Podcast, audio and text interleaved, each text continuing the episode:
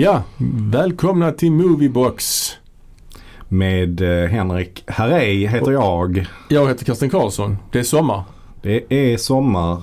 Härligt. Ja det är det. Vi har inte setts på ett tag ju. Det Nej. kan vi vara transparenta med att säga. Vi har ju faktiskt de senaste avsnitten har vi spelat in lite tidigare kan man säga. Mm. Det har varit med att ni skulle, det skulle inte märkas så ju. Fast kanske märktes lite grann när du snackade om att Succession var slut fast det till slut ändå rätt så långt innan du sa det. Ja, det är möjligt att man tänker på det kanske. Men det, det är Men det är ju slut. Det är ju slut. Det är ju, det är ju sant. Mm. Det är ju ingen lögn. Det är ju slut. Så, så är det ju. Och, eh, men nu är vi tillbaka igen. Vi har varit på semester båda två ju. Mm. Utrikes har vi varit båda Ja, två. precis. Så att nu är vi hemma här i eh, Svedala som det heter. Och eh, ska inleda vårt eh, sommartema. Ja. Man pratar ju om indiansommar men nu är det indiesommar. Indiesommar blir det. Vi ska prata om Indiana Jones.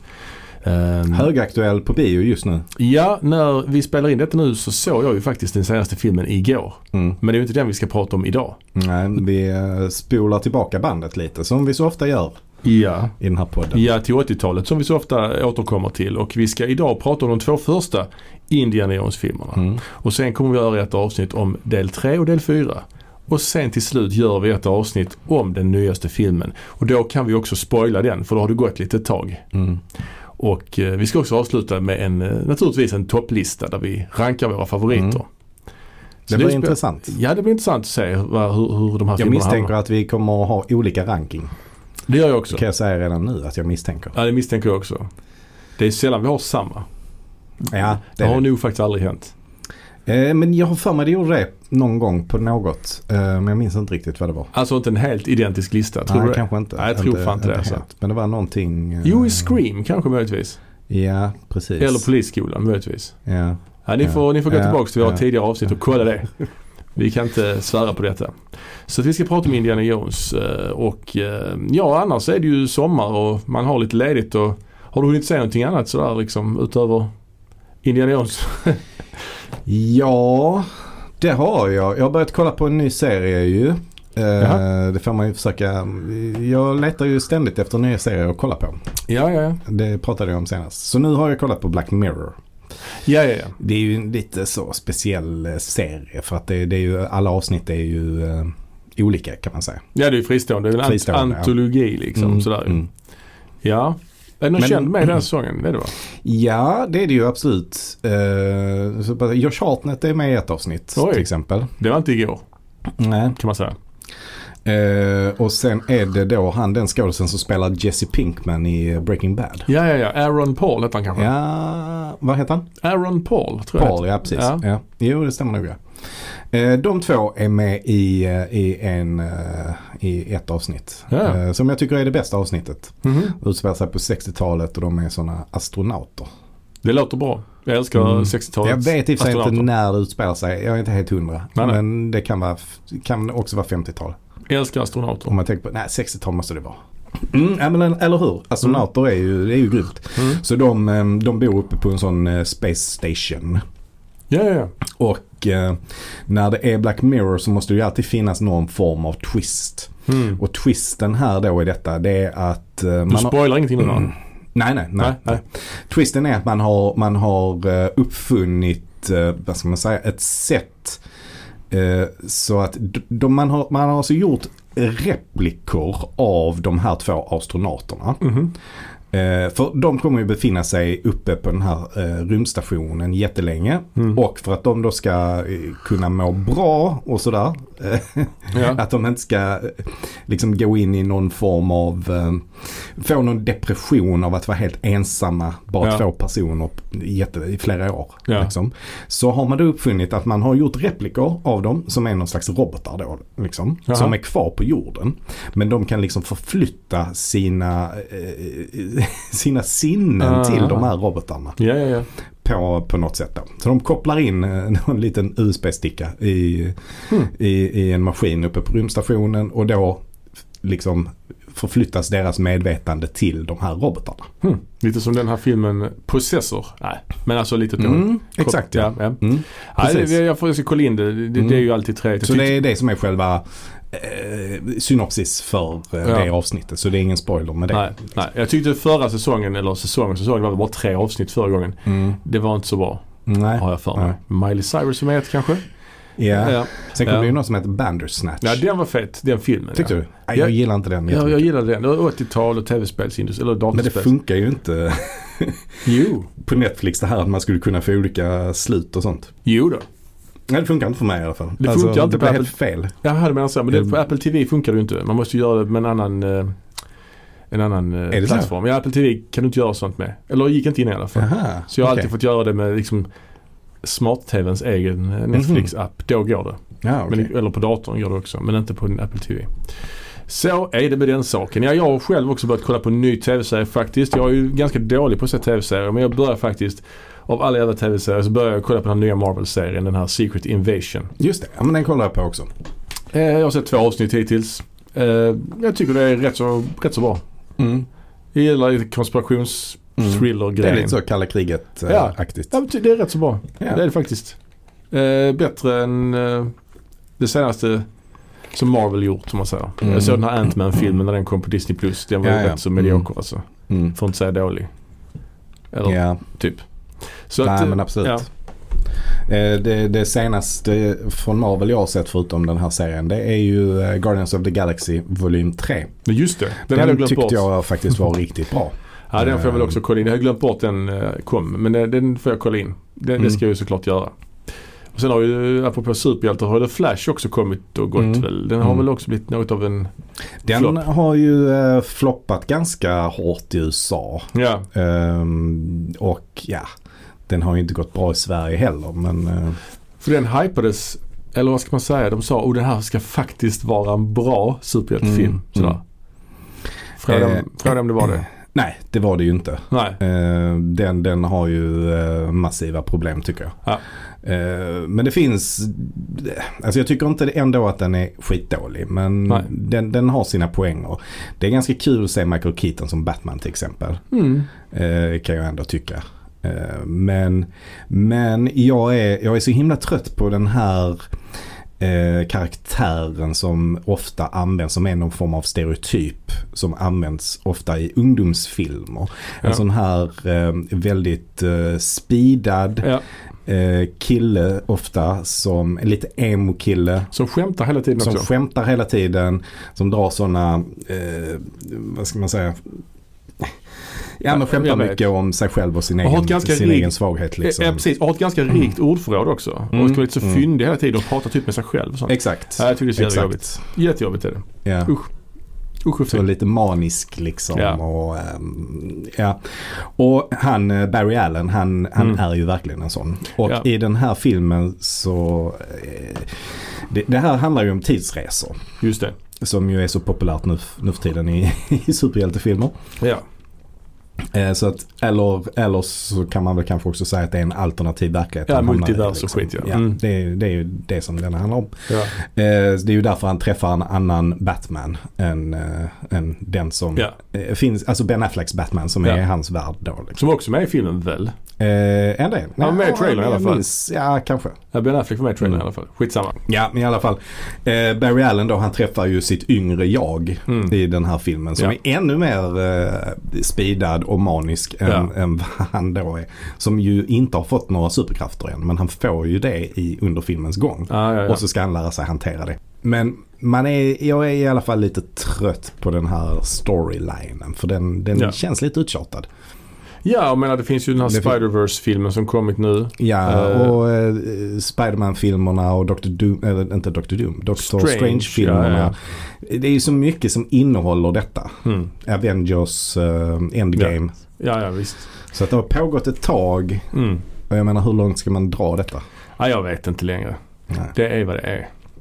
Jag skulle Men, nog ändå säga att Flash, jag hade roligare när jag såg Flash än när jag såg Shazam faktiskt. Den senaste det- Shazam-filmen. Ja, den var inte rolig. Nej. Nej, det var det inte. Så frågan är ju lite, vad håller DC på med och vad kommer att hända nu under, ehm, eh, vad heter han, James, James Gunns ledning? Det är den ständiga frågan vad håller DC på med. Detta har vi pratat om förr och jag känner bara att skit, lägg ner skiten. Neverending story. Ja, bara lägg ner det. Om det, liksom, det bara, om det nu inte går att få det bra då kanske man ska skita i att försöka få det bra och göra något annat som blir bra. Problemet är att vissa av titlarna går ju skitbra. Som eh, den första Aqu- Aquaman-filmen.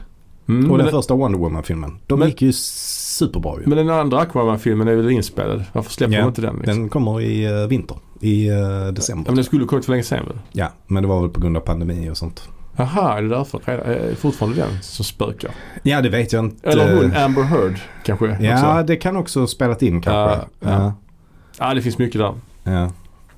Vi får se. Jag tyckte den första Aquaman-filmen var jävligt dålig faktiskt. Jag för mig. Mm. Jag för mig var riktigt dålig. Mm. Men den hade väl sina stunder. Men jag för mig jag gav den ganska lågt betyg när jag satte betyg på, på den Mm. någon gång. Mm. Ehm, ska vi gå vidare till eh, vår ständiga programpunkt numera Bergmankollen? Ja, det gör vi. Jag tycker om när det regnar. När det regnar på sommaren. Mina spöken och demoner. Jag blir lite klaustrofobisk. Bergmankollen, Ja. vad är det nu då? Ja, jo vi har ju eh, en sån här eh, Blu-ray-låda. Ja, en Blu- Blu- Blu-ray-låda av Criterion. En Ja. box. Ja. En maffig jävla box med 30 plus skivor med över nästan 40 filmer. Mm.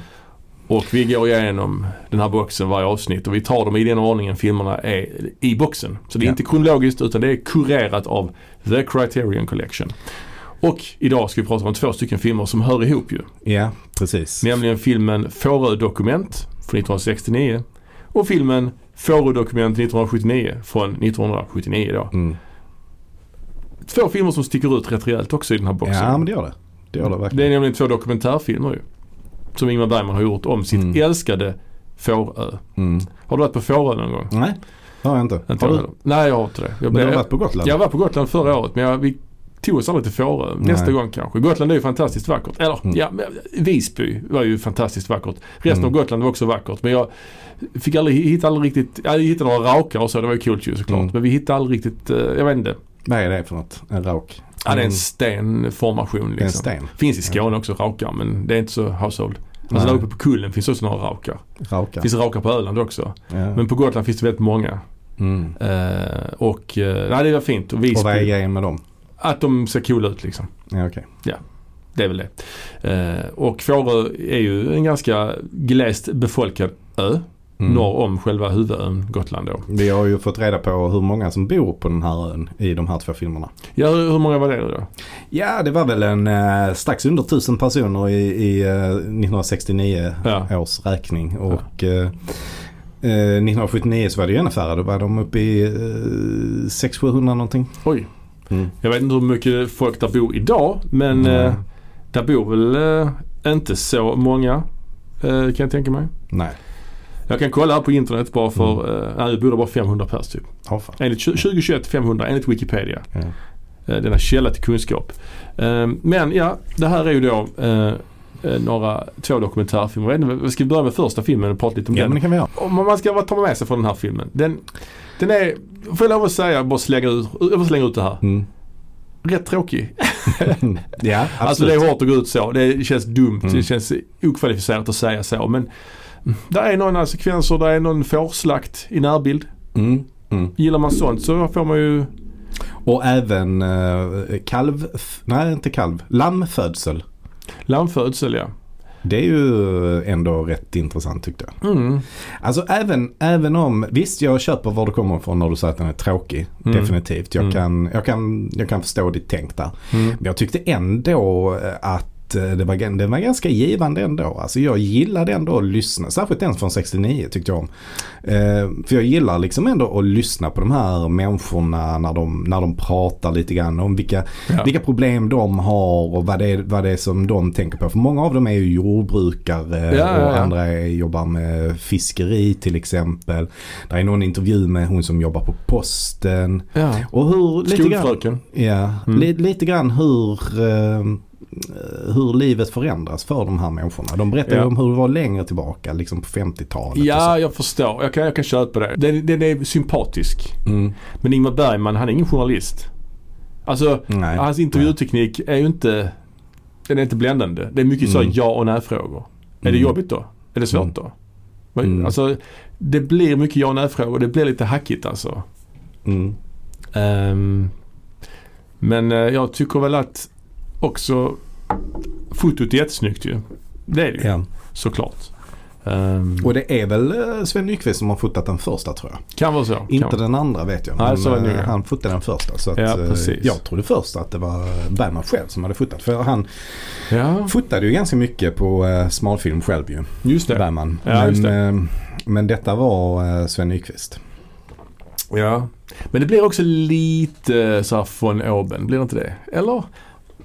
På något sätt. Framförallt i slutet han summerar. Ska hon få böcker? Det är i och för sig ett politisk statement också lite grann. Alltså att han tar ju ställning för de här människorna på ett fint sätt. Det gör han och den är ganska mm, anti-byråkratisk den här filmen. Mm. Lite antisocialdemokratisk också. Mm. Det handlar mycket om att de vill ha sin frihet att eh, kunna jobba självständigt. Alltså Ja. typ driva sina egna små företag. Ja. Driva sitt eget eh, lilla jordbruk. Men att det inte riktigt går i den här socialdemokratiska tiden eh, som de lever i. Ja, just det. Så att det är väl lite det som är eh, andemeningen med filmen. Jag vet inte vad Bergman hade för politisk eh, ståndpunkt riktigt. Nej, det har jag faktiskt ingen aning om heller. Men jag tänker nog att han inte var sosse i alla fall. Nej, det tänker inte jag heller. Det var ju lite mer, alltså han kommer ju från en lite annan eh, bakgrund och sådär än de som senare eh, tog mycket plats på 60 och 70-talet. Alltså den här, Ja, ja. de här lite mer proggiga, alltså Widerberg. Widerberg till Mm, exempel. De kändes ju mer vänster. Ja, ja, gud, ja. Bergman har ju aldrig känts vänster direkt. Nej, han har ju aldrig gjort så mycket politiskt av, väsen av sig. Nej, faktiskt inte. Det är, jag, kan jag kan inte riktigt eh, se någon, eh, någon politik. Men, men den här är ju trots allt ganska politisk. Ja, det får man väl säga. Han intervjuade också några ungdomar på en buss Mm. ju. Och då är det så mm. popmusik och sånt också. Mm. Pratar om vad de gör och hur de vill Mm. därifrån och så vidare. Mm. Finns lite så, lite modstrilogi över det nästan. Mm. Mm. Han kanske var inspirerad av den lite grann. Mm. Ehm, När kom den? 67? Jag tror den kom 68 till och med. Ja. Så här uttjatade år. Och denna kom då 69. Och sen kom då uppföljaren 79. Föredokument 79 och där följer han ju upp Mm. Likt Mods-trilogin, de här ungdomarna från bussen. Tio år Mm. senare. Vad gör de nu? Det är någon som bor i Stockholm ju och så vidare. Mm. Så det. Man blir också lite eh, inspirerad kanske av att se de här människorna jobba på det sättet som de gör. Alltså Mm. och leva det livet de lever. Det känns väldigt långt ifrån det livet jag själv lever. liksom. Ja, gud ja. Eh, Så att det är intressant ur det perspektivet också tycker jag. Särskilt de Mm. som jobbar på den här fiskebåten. Mm. Bara ute så tio dygn till, till sjöss i sån sjöstorm där i Baltiska viken. Herregud ja. Ja.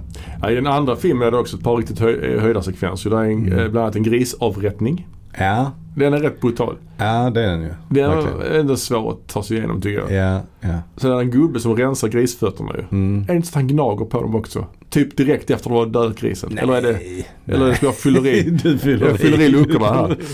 Men det är en gubbe som steker sill i alla fall. Ganska ja, länge. Ja, precis. Häller på lite mjölk och hackar lök och Ja, ja. sig där. Sitter där och så filmar han utifrån så är det helt mörkt. Sitter där i sitt kök och äter. Ja, ja. Det är Ja. slow tv det du. Det är slow tv. Ja, men ändå, han steker ju sjukt mycket sill ju. Ja, ja. Och panerar den och sånt. Ja. Och så verkar det bara som att han ska äta upp alltihopa själv. Mm. Märkligt. Ja. Ehm, och det ser inte jättegott ut. Han gör ju någon slags löksås, Ja, inte det? ja. Med mjölk och lök. ja, det ser inte Så lägger han i alltihopa. Hela, alltså skal och sånt från löken lägger han i den också. Ja, Men det, kanske, det kanske man gör i och för sig. Om man Ja, gör fond och sånt. Ja, kanske alltså. Sen är det också den här eh, problematiken med turister versus de som bor där permanent. Mm. Mm. Det, ja, det var det. Mm. det, det. Ja, men summa summarum, för det är väl dags för en eh, summering kanske. Ja. Ehm, jag håller till viss del med om att de är tråkiga, ja. Mm. Men ehm, jag kunde ändå få ut någonting av dem kände jag. Jag tyckte ändå det var lite härligt och, och det är alltid härligt att se sådana här skildringar från Jo. eh, det forna Sverige. Jag håller med. Jag håller med. Han säger ju i tvåan att han ska göra nästa del 1989. Men det, Ja. det blev ju ingen. Nej, det blev tyvärr. någon. Synd. Mm. För det hade Mm. blivit en trilogi då ju. Mm. Alltid bra ju med trilogier. Ja, det är alltid bra. Eh, eller det är det, det är det faktiskt inte. Jag skojade. Men eh, det hade ändå gett något. För han var ändå Mm. relativt, inte ung var han ju inte, men han skulle kunna ha gjort en film 89 Mm. också. Herregud. Varför gjorde han inte det egentligen? Han bodde ju på Fårö och hade Mm. väl rätt mycket fritid tänker jag. Absolut.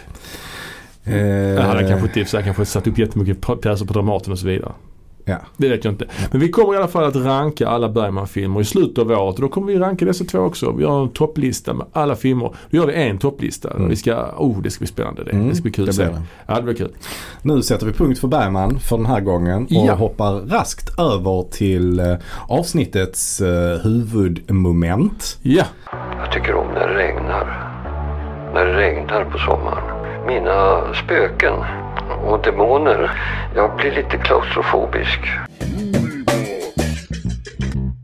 Som ju är Indiana Jones and the Raiders of the Lost Ark. Ja precis. Eller and heter det inte. Ja, heter men det- Raiders of the Lost Ark. Ja fast det är intressant att du säger så. Ja. För filmen heter ju Raiders of the Lost Ark 1981. Det är ju den enda filmen som inte har Indiana Jones i titeln och det är den första filmen. Men Mm. så här i efterhand om man eh, köper boxar och skit Mm. så står det faktiskt Indiana Jones and the Raiders of the Lost Ark. Står det? Ja. Okej. För att den ska liksom vara enhetlig med de andra ju. Och det, det är ju en titel, den heter på svenska heter den Jakten på den försvunna skatten. Mm. För Raiders of the Lost Ark, om jag får slänga ut någonting här så är det ju en ganska förhållandevis, om du förstår vad jag menar, okänd titel. Ja. ja. Det, det är ingen som hänvisar till den här filmen som det alltså i Sverige. Man säger först Indiana Jones eller ettan eller alltså Mm. möjligtvis Jakten på försvunna skatten. Men Mm. Raiders of the Lost Ark är ju inte Det heter den på svenska. Bara Jakten på den försvunna skatten. Ja. just det. och eh, det är intressant Spielberg han pratar ju jag har kollat bakgrundsmaterialet. På, Mm. på ettan och tvåan snackar han ju om Raiders 2 och Raiders 3. Ja, precis. Han benämner det som Raiders. Ja, ja. Ja, det är kul. Men, Ja, jag har faktiskt inte kollat så mycket på bakom så jag har faktiskt inte så bra koll på hur det gick till, alltså hur de kom till att göra den här filmen. Så, men det antar jag att du har stenkoll på så det ska bli intressant att höra. Ja, ja, Men- ja men stenkoll. Ja, ja, ja, men visst, men, men däremot så är detta en film jag har sett säkert utan att överdriva 2000 gånger. ja. Ja, Ja, men men jag tror ändå det. 2000 gånger möjligtvis. Nej men det här var ju en film som jag såg lätt en gång i veckan när jag var, när jag var liksom yngre. Ja, ja. Ja, men det är sant. Och det är ju också en film som har gjort att liksom alla 70-talister, det enda de ville bli när de blev stora var ju arkeologer. Ja. Så jag vet, inte, jag vet inte vad som hände liksom på Och det var den här här... arkeologibubblan som sprack. Där, sent 80-tal. Ja. Ja, det är sant. Också intressant för övrigt att man ändrar titeln i efterhand för övrigt. Mm, mm. Ja, skitsamma. Precis som American Horror Story säsong 1. Ja, skitsamma. Men har Men- du sett den tidigare eller? Den här filmen? Mm. Nej, jag har faktiskt inte sett den. Jo, klart. Det Likadant. Alltså jag har ju sett den svinmånga gånger. Ja, alltså jag vet ju inte någon i vår ålder som eh, för det första inte har sett den och för det andra inte gillar den.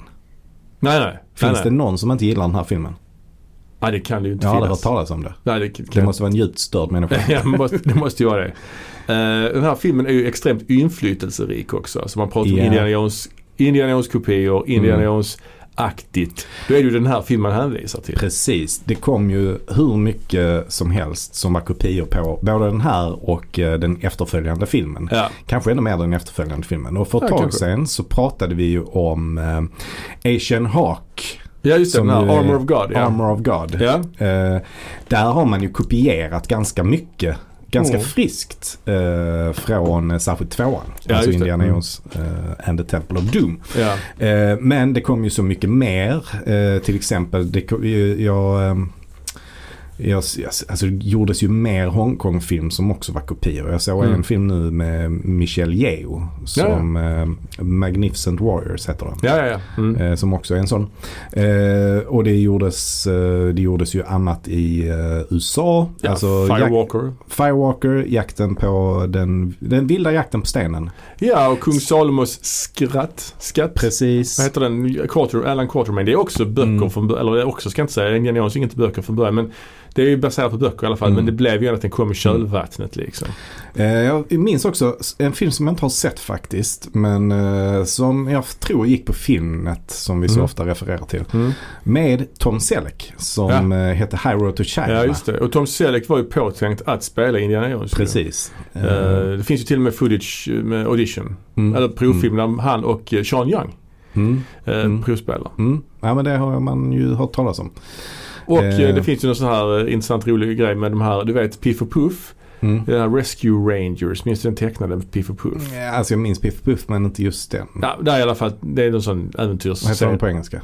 Ham- Chip and Dale. Chip and, Chip and Dale? Ja. Aha, okej. Men det är i alla fall att den ene Piff tror jag har Indiana Jones hatt och skinnjacka och. Pu- Puff har ju en sån här Hawaii-skjorta som Magnum då, ja som, men det känner jag till. ja, som Tom Selleck Ja. spelar ju. Det är ett kul ja det är det. Ja, det, Eh, Tom Selleck skulle ju få rollen alltså, men han var ju kontrakterad att göra den här Magnum PI. Ah, Okej, så Så- han fick inte? Nej, Aha, trist. ja. Men eh, Harrison Ford gjorde ju ett ganska bra jobb får man ju säga. Jo absolut, alltså det är inte trist för oss men det är trist för honom som person. Alltså Tom Selleck menar jag. Mm, det får man säga. Säga. Eh, men för oss, vi kan ju vara ganska glada tror jag. Jag hade ju Ja. hellre sett, eh, eller jag, hade ju, jag tror inte det hade blivit lika bra med Tom Selleck. Andra inflytelse, alltså andra, andra, vad ska man säga, verk som influerats av den här filmen är ju till exempel inom tv-spelsvärlden. Vi har ju Lara Croft, Tomb Raider, Mm. Uncharted till exempel med, med han eh, Nathan Drake. Lara Croft är också arkeolog va? Eller? Jag vet inte Nej, fan det vad hon är. vet jag inte. Jag vet inte vad hon är. Eh, TV, det gjordes tv-serier. Kommer du ihåg eh, Guldapans hemlighet? Nej jag gör inte det men du pratar ofta om den. Ja. Alltså typ varje gång vi träffas. Ja. Så frågar du mig för jag kommer ihåg den. Jag kommer fortfarande ihåg den. okay.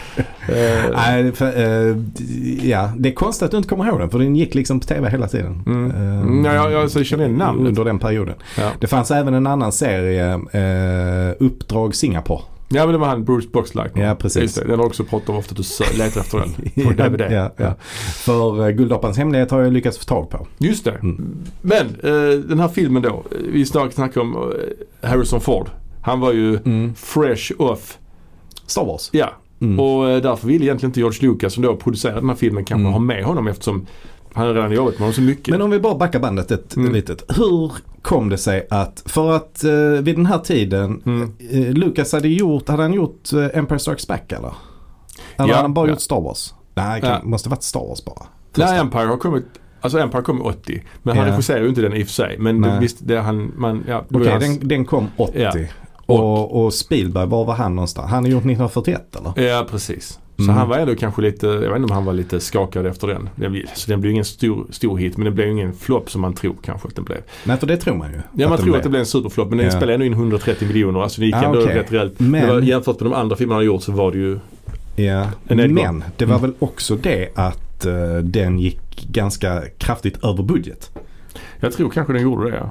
Ja Så att han, han var liksom inte poppis bland eh, eh, eh, liksom producenter och så just för Nej. att han hade gjort av med mer pengar. Det hade tagit längre tid för Mm. honom att göra filmen än vad han hade beräknat och Ja. den hade kostat mer pengar att göra. Sen Jo. kanske den ändå drog in lite. Men, Ja. Men sen var det var George Lucas idé i alla fall det här ju. Han var Mm. inspirerad av sådana här gamla serials liksom. Mm. Äventyrs, äventyrare liksom. Just det, för han ville egentligen göra denna innan Star Wars. Ja, jag tror det. Han valde där. Ska göra den här eller ska göra mer sci-fi? Alltså båda två var inspirerade av sådana här gamla serials, Flash Gordon och så vidare. Ja. Som vi pratade om eh, förra gången. Mm. Ehm, eller för förra gången. Men eh, nej precis. Och då blev det att han gjorde Star Wars och sen skulle han då göra detta. Det finns ju någon film som heter Secret of the Incas eller något sånt med Charlton Heston tror jag. Finns på Okej. YouTube som är ganska likt. Det är också en Mhm. snubbe med hatt och sånt liksom. Men, Ah. men eh, det är sig, den är ju lite nyare. Det är ingen serial Mm. så. Den är ändå från 50-talet kanske. Men ehm, så då tänkte han att Spielberg, han approachade Spielberg och frågade honom vad ska du göra härnäst? Mm. Och då sa Spielberg att "Ah, jag har alltid varit sugen på att göra en Bondfilm. Ja, Spielberg var sugen på att göra det. Så han, ja, men jag har något som är ännu bättre. Mm. Och då nämnde han då den här historien om en, liksom en arkeolog som letar efter skatter. Och det är en det är så här 30-tals Mm. äventyrsfilm. Och han skulle Just då det. heta Indiana Smith. Indiana Smith, just det, det har, det har jag Ja. hört ja. Och Indiana var ju eh, namnet på eh, hans hund. hund, ja. Alltså Lucas hund. ja. Och Spielberg, ja precis. Ja. Och Spielberg gillar inte Smith. Smith, Okej, du kan ha honom för ja. Jones istället. Smith and Jones liksom. Ja. Så blev det Indiana Jones. Så att det var så det gick till. Och sen så Mm. skrev ju Lawrence Kasdan manuset ju. Eh, och det var faktiskt Philip Kaufman var också med och kom på storyn. Mm. Regissören. Så att det är ändå lite så. Mm. lite star-studded här liksom bakom kameran också. Mm. Ja just det, men det är också en sak jag snappade upp. När, när Spielberg innan han gjorde Star Wars Mm. så approachade han Philip Kaufman om Mm. att göra Indiana Jones tillsammans med honom. Ja just det. Eh, Men sen valde han då eh, att göra, eller Kaufman hade något annat som han Ja. var tvungen att göra och eh, eh, Lucas gjorde Star Wars istället. Ja precis. Ja så var det ja. Eh, men eh, ja. filmen producerades ju av, eller distribuerades av Paramount. Mm. Och det är ju intressant att de har ju liksom integrerat Paramount-loggan i, i Mm. filmens öppning ju. Mm. Det är den coolt. fejdar ju in. Ja. Ja. Det är ju så i alla filmerna av Paramount. Mm. Eh, alltså Indiana Jones-filmerna av Paramount. Så det är lite kul.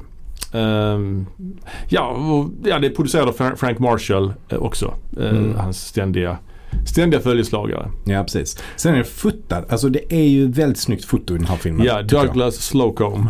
Mm. Han var ju en, liksom en rätt så lite äldre herre redan på den här tiden. Alltså han föddes ju Ja. 1913. Ja. Dog 2016 så han blev 103 år gammal. Ja. Ja, ja. Och han fotade de tre första Indiana Jones-filmerna. Ja. Och sen den fjärde filmen gjordes ju, fotades ju av han här Janusz Kaminski. Men då fick han ju Mm. försöka imitera Douglas Slocums fotostil till den fjärde filmen. Jag har inte sett den på länge så det ska bli kul att se om den. Men eh, jag tycker den här filmen är sjukt Ja, snygg. han, eh, han eh, påbörjade sin eh, fotografkarriär redan på 40-talet. Mm. Ja, alltså det, det är, ja precis, det är starkt alltså. Ja men det passar ju att ha en eh, fotograf från den gamla skolan i en sån här film som på något sätt ska imitera det Ja, ja visst. lite grann. Ja, verkligen. Eh, så att, eh, och jag tycker den är väldigt snygg alltså. Det är, och, det, och kombinationen också med, eh, med scenografin. Även Ja, andra filmer ja. är också likadant där. Mm. Filmen blev en stor succé. Mm. Kostade 20 miljoner, spelade in nästan 400 miljoner. Och den vann Ja. ett par Oscars också. Mm. Eh, Så att det var ju en, en riktig, riktig eh, braksuccé. Det Mm. år, det är årets mest inkomstbringande film. Och då var det ju ändå en film som kom ut i konkurrens med andra kända franchises. Till exempel Superman 2 kom ut detta året. Mm. Jag tror Bond hade väl eh, For Your Eyes Only kanske kom 81. Mm. Kan ha varit den. Mm. Det här var ju ingen eh, franchise. Det här var ju första filmen. Det här var ju något nytt. En originalidé. Mm. Även om det hade inspirerats av, av gamla grejer så var det ändå en originalidé. Liksom.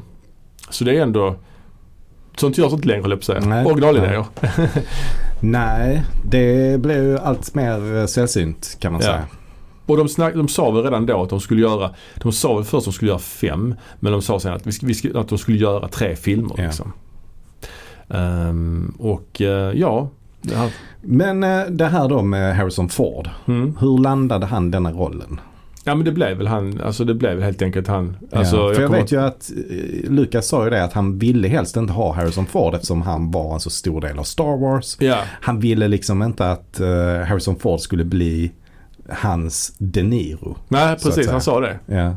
Lite diss mot Scorsese. Eh, Men han, uh, Spielberg... Eller diss mot Harrison Ford. Ja, kanske det också. Spielberg vill ju ha Harrison Ford men sen så Mm. försökte de Tim Matheson var också påtänkt tror jag. Jaha, okej. Det vet jag inte ens vem det är. Nej, typ. Det hade man ju gjort om han hade fått den här rollen. Ja, liksom. ja, ja. Men så blev det ändå Harrison Ford till slut. När ingen annan kunde så Mm. blev det han liksom. Mm. Och, Och det kan vi ju vara glada för. Liksom. Ja. För han spelar ju den här rollen med bravur tycker jag. ja, det är ju en... Eller han är ju väldigt speciell i den här eh, rollen. Han gör ju en väldigt speciell rolltolkning tycker jag. Mm. För han är ju, han är ju vresig på något sätt. Mm. Är han inte det? Jo, jo, jo, absolut. Han är också rätt klumpig. Ja, och eh, han liksom bjuder på sig själv. Alltså han visar ju verkligen hur han känner. När, man, när han Mm. är... När, när det går illa så ser man det på honom. Ja, alltså har, han, har, han har komisk eh, timing och Ja. komiska uttryck. Samtidigt som han är den här snygga liksom tuffingen liksom, som Ja. slåss och skjuter. Och, Men för vi, vi sa ju det att eh, Spielberg ville göra en James Bond. just det. Om man då jämför, James Bond har ju sett lite olika ut i olika konfigurationer liksom. Mm. Sean Connery har ju inte visat så mycket svagheter direkt när han har varit Bond. Medan Roger Moore kanske, mm. eh, inte, jag kanske inte tycker att han visar svagheter direkt men, men han är lite annorlunda. Han är Ja, ja. lite mer rolig kanske. Jo, ja verkligen. Skulle jag verkligen. nog säga. Ja, ja. Eh, men Indiana Jones är ju långt från Bond ju. Ja, det. Indiana Jones har ju mycket mer brister eh, Ja. än vad Bond har. ja, det får man säga. Det får man säga. Och sen har han ju ett par attribut ju. Ja, det har han. Alltså han har ju hatten och piskan framförallt ju. Mm. Och det är ju också fräckt ju. Mm. Det var någon sån konceptbild de bara utgick Ja. från liksom. Sen har han ju också två eh, identiteter. Lite som Stålmannen. Ja, han är kan, ju, han ja. kan ju förvandlas till den här professorn med glasögon. Ja, ja visst. Och sen så bara eh, tar han på sig sin dräkt med hatten och Ja. skinnjackan och piskan och så blir han då äventyraren eh, Indiana. Ja, han jobbar ju på universitet annars liksom. Mm. Föreläser och så. Rätt så grå och tråkigt typ sådär. Mm. Framförallt i de senare tweed-kostym. Ja, exakt.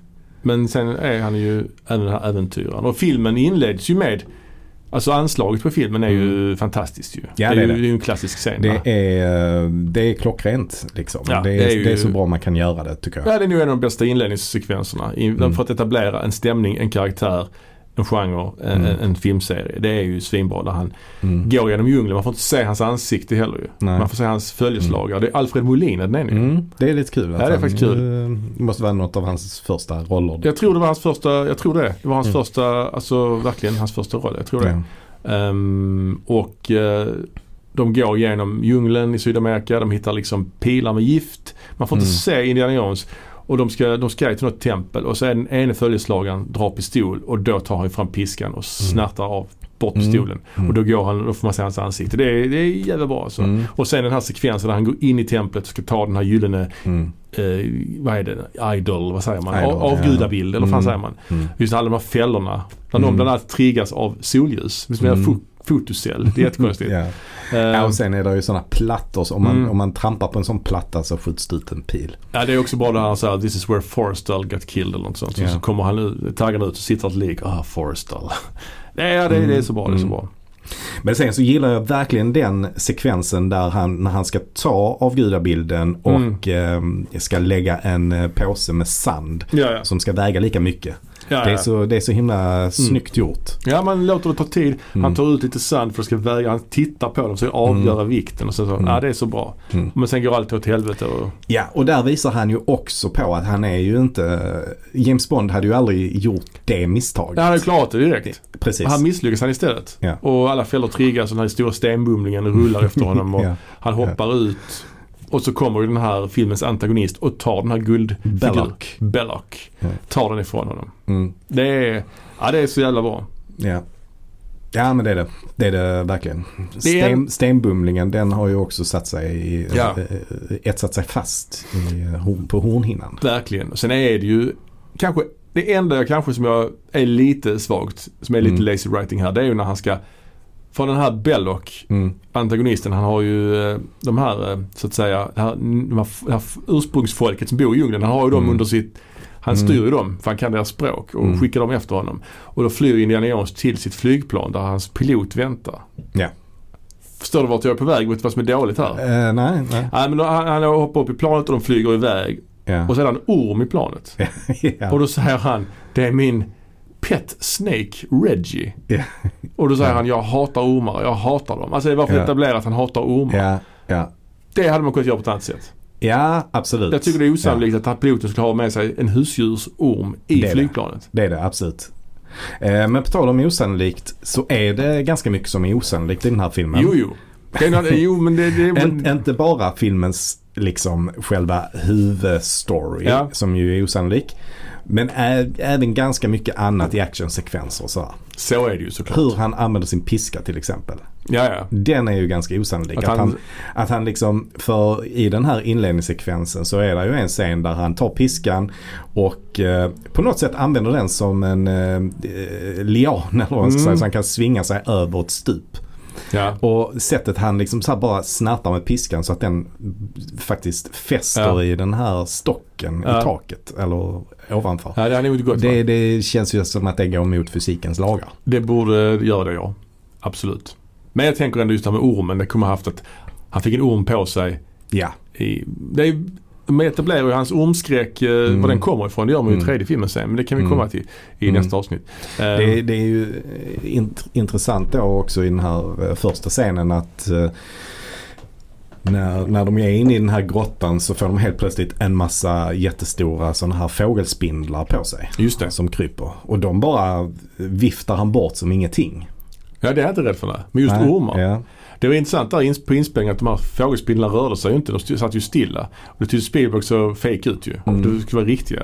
Mm. Och då var det någon som spindelskötare som sa men vi eh, lägger in, det är bara hanar allihopa. Så lägger vi in en hona så börjar, då kommer hanarna börja slåss. Så de gjorde det. ja, Ja, så hade Alfred Molina var ju livrädd liksom. ja okej. Ja. Så de började slåss med varandra då? Ja men typ jaga varandra och sånt så han hade överallt. Men eh, man inser också den här, det är rätt mycket generöst material. Jag har ju den här Complete Adventures-boxen som Mm. numera inte är complete eftersom det en ny Mm, film. Men mm.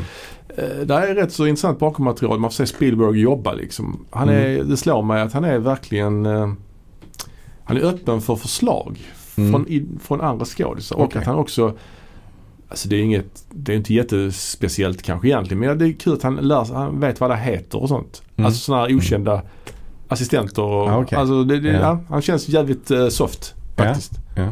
Men det har hon väl alltid tyckt å andra sidan kanske. Ja, ja. Um, men sen är det ju att man, nu ska vi inte gå igenom varenda grej som händer i den här filmen men de flesta har ju sett den här filmen tänker Mm. jag. Men det är, där är en sekvens ur ett filmmässigt perspektiv. Man får följa honom ju på universitetet. Mm. Man etablerar hans kompis Marcus, spelas av Mm. Denholm Elliot. Mm. Eh, men där är det ju att det är ett par CIA-gubbar som vill träffa honom. Mm. Och detta är ju filmens liksom fördjupning. Här man etablerar vad filmen kommer att handla om. Filmens MacGuffin. Ja. Som vi kan komma tillbaka till. Och det är en ganska lång expositionsscen. Mm. Och för ny, nytillkomna så är exposition är ju liksom informativ dialog som är till för publiken för att de ska fatta vad det här ska handla om. Och eh, till saken hör att du är ju en stor eh, expositionshatare. Ja, alltså exposition är ju nödvändigt men det är ju svårt eh, att Alltså det kan vara väldigt, väldigt, väldigt svårt att få in det naturligt och ibland kan det bli väldigt, väldigt dåligt. Men vad jag skulle komma till här är att det är väldigt, väldigt bra i den här filmen. Mm. För man lyckas ändå, det är ju en sekvens, de träffas typ i en aula eller något sånt. Mm. Tom aula. Mm. Och det är två CIA-gubbar. Var den ene, den lite runda av dem, är han som också spelar, har jag för mig, Lieutenant Eckhart i första Batman. Eh, Med Michael Okej. Keaton. Jag för mig det. Ja. Ehm, och då berättar de att det här med att Hitler är ute efter, det är ju inte krig än, det utspelar sig innan kriget ju. Det är också lite lustigt. Man får väl aldrig riktigt reda på när exakt denna filmen utspelar sig. Ja, jag vet inte om det är någon årtal, men 1936 är det i alla fall. Det är det? Ja, Aha, okej. men det är innan kriget ju. Men de Ja. vet att Hitler är liksom besatt av eh, liksom artefakter och han försöker hitta grejer för att kunna vinna kriget med hjälp av dem. Men det- är inte kriget igång? Nej, det har inte kommit igång än i den här filmen. Så det är rätt coolt. Ja. Ehm, och, ehm, och det är ju en god blandning ju. Att Mm. man väljer... För jag menar i alla fall, nästa film, mm. den vet man när den utspelar sig. Och det är Mm. ju 36 ju. Nej, 35 tror jag. 35? Jag tror Ah, andra okej. filmen utspelar sig, utspelar, andra filmen utspelar sig före första filmen. Ja, precis. Eh, Ja. Så det kan vara för en prequel även om inte de har med varandra att göra på det sättet. Mm. Eh, men eh, det är också coolt att man har nazisterna som bad guys. Det ger, Mm. ger något extra till detta. Att det, utsp- att det ut, inte utspelar sig i modern tid heller ju. Ja. Att det utspelar sig liksom före, strax före andra världskriget. Mm.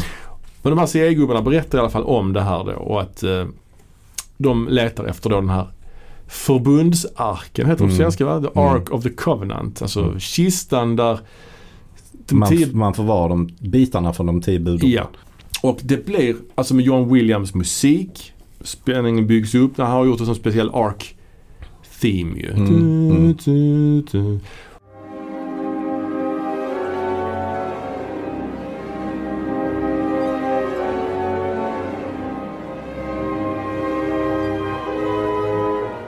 Och just att han har en whiteboard, eller nej inte en whiteboard, en blackboard är det ju såklart. Mm. Han skriver och ritar och berättar. För han kan ju så mycket Indiana Jones om det här. Han har också en bok med en bild på, på arken. Han Mm. tar fram en bild där man får se dem öppna den och folk ligger runt om och vrider sig i plågor. Ja, just det. Ja. Och detta hade ju av en sämre filmskapare kunnat bli riktigt jävla dåligt. Mm. Men här är det så pass bra. För det känns så naturligt att han har en bok. För han, Ja. är, han är lärare. Mm. Klart han har en bok med en bild.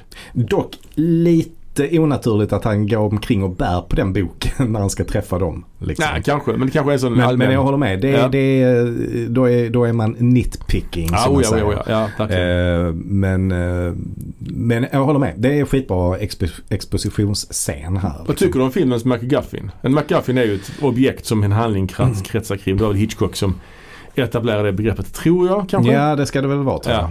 Ehm, ja, men det finns ju lite olika McGuffins liksom.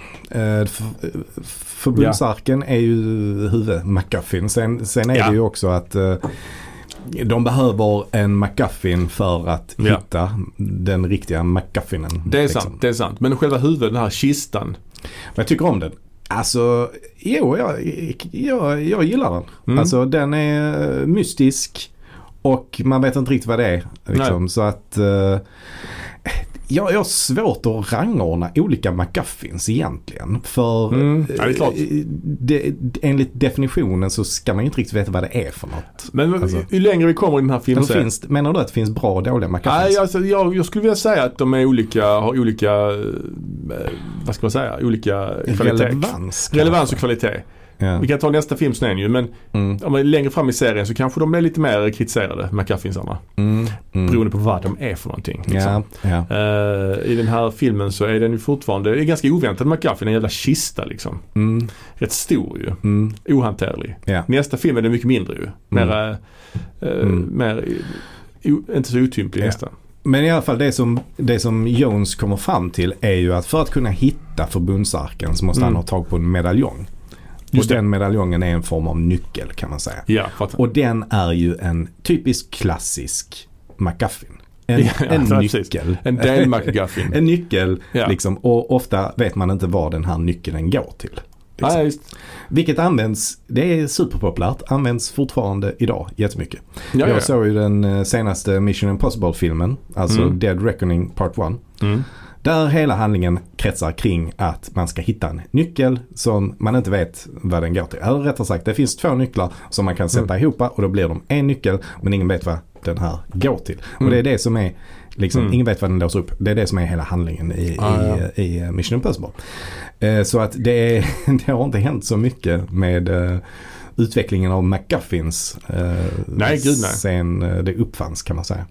Men den här eh, arken då, den har ju, eh, den har ju något, eh, alltså den har ju, den, i slutet så visar den sig ju sin poten- potential så att säga. Ja det gör det. gör Ehm, den är ju, men han måste hitta en medaljong för att kunna hitta, han ska skina solstråle genom medaljongen för Mm. att då kunna hitta på en karta var den ligger begravd. arken. Just det. Eh, och då måste han ha den medaljongen av sin före detta flickvän som bor i Nepal. Ja. Och det är ju också en Ravenwood. Hon Ja. är ju då dotter till hans uh, läromästare inom arkeologi. Eller arkeologi Eh, Marion Ravenwood och hon, hon spelas av Karen Allen. mm. Som inte har gjort så jävla mycket mer än detta. Hon, hon är med i den här Starman va? Ja. Carpenters film. Väldigt bra skådis är hon tycker jag. Mm, tycker jag med. Hon borde ha haft en eh, större karriär, tycker jag. Vet du vem jag blandar ihop henne med? Ja, du blandar ihop henne med eh, hon... eh, Margaret Kidder. Ja, ja. precis. Alltså det gör man ju. Av någon anledning. Man Mm. tror eh, ofta att det är samma person. Ja, Deborah Winger kanske också är i den häraden. Nej det tycker jag inte Sean alls. Young. Nej, nej, nej. nej. Nähä. Ja, kanske. Nej, Ja. inte Sean Young. De, är, de, de, har de, är, de, de har mycket mer, vad ska man säga, gravitas till sig Mhm. tycker jag. Alltså de är mycket mer, Ja, Deborah Winger definitivt. ja. Oh ja.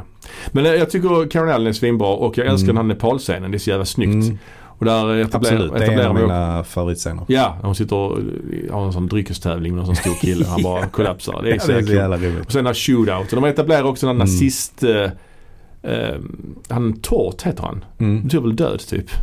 Fast stavas Tort. annorlunda tror jag. Ja, Skitsamma. det- Todd, stavas T-O-D. Ja, Alltså död på tyska. T-O-D. Han har stavat T-O-H-T. Ja men T-O-T är väl Tort.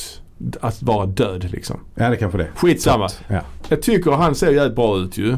Eh, alltså han har en jävla bra eh, look. Ja, som verkligen. riktigt, som han är lite Herr Flick auf Gestapo. Minns du den? Allå, allå, Emily Armén.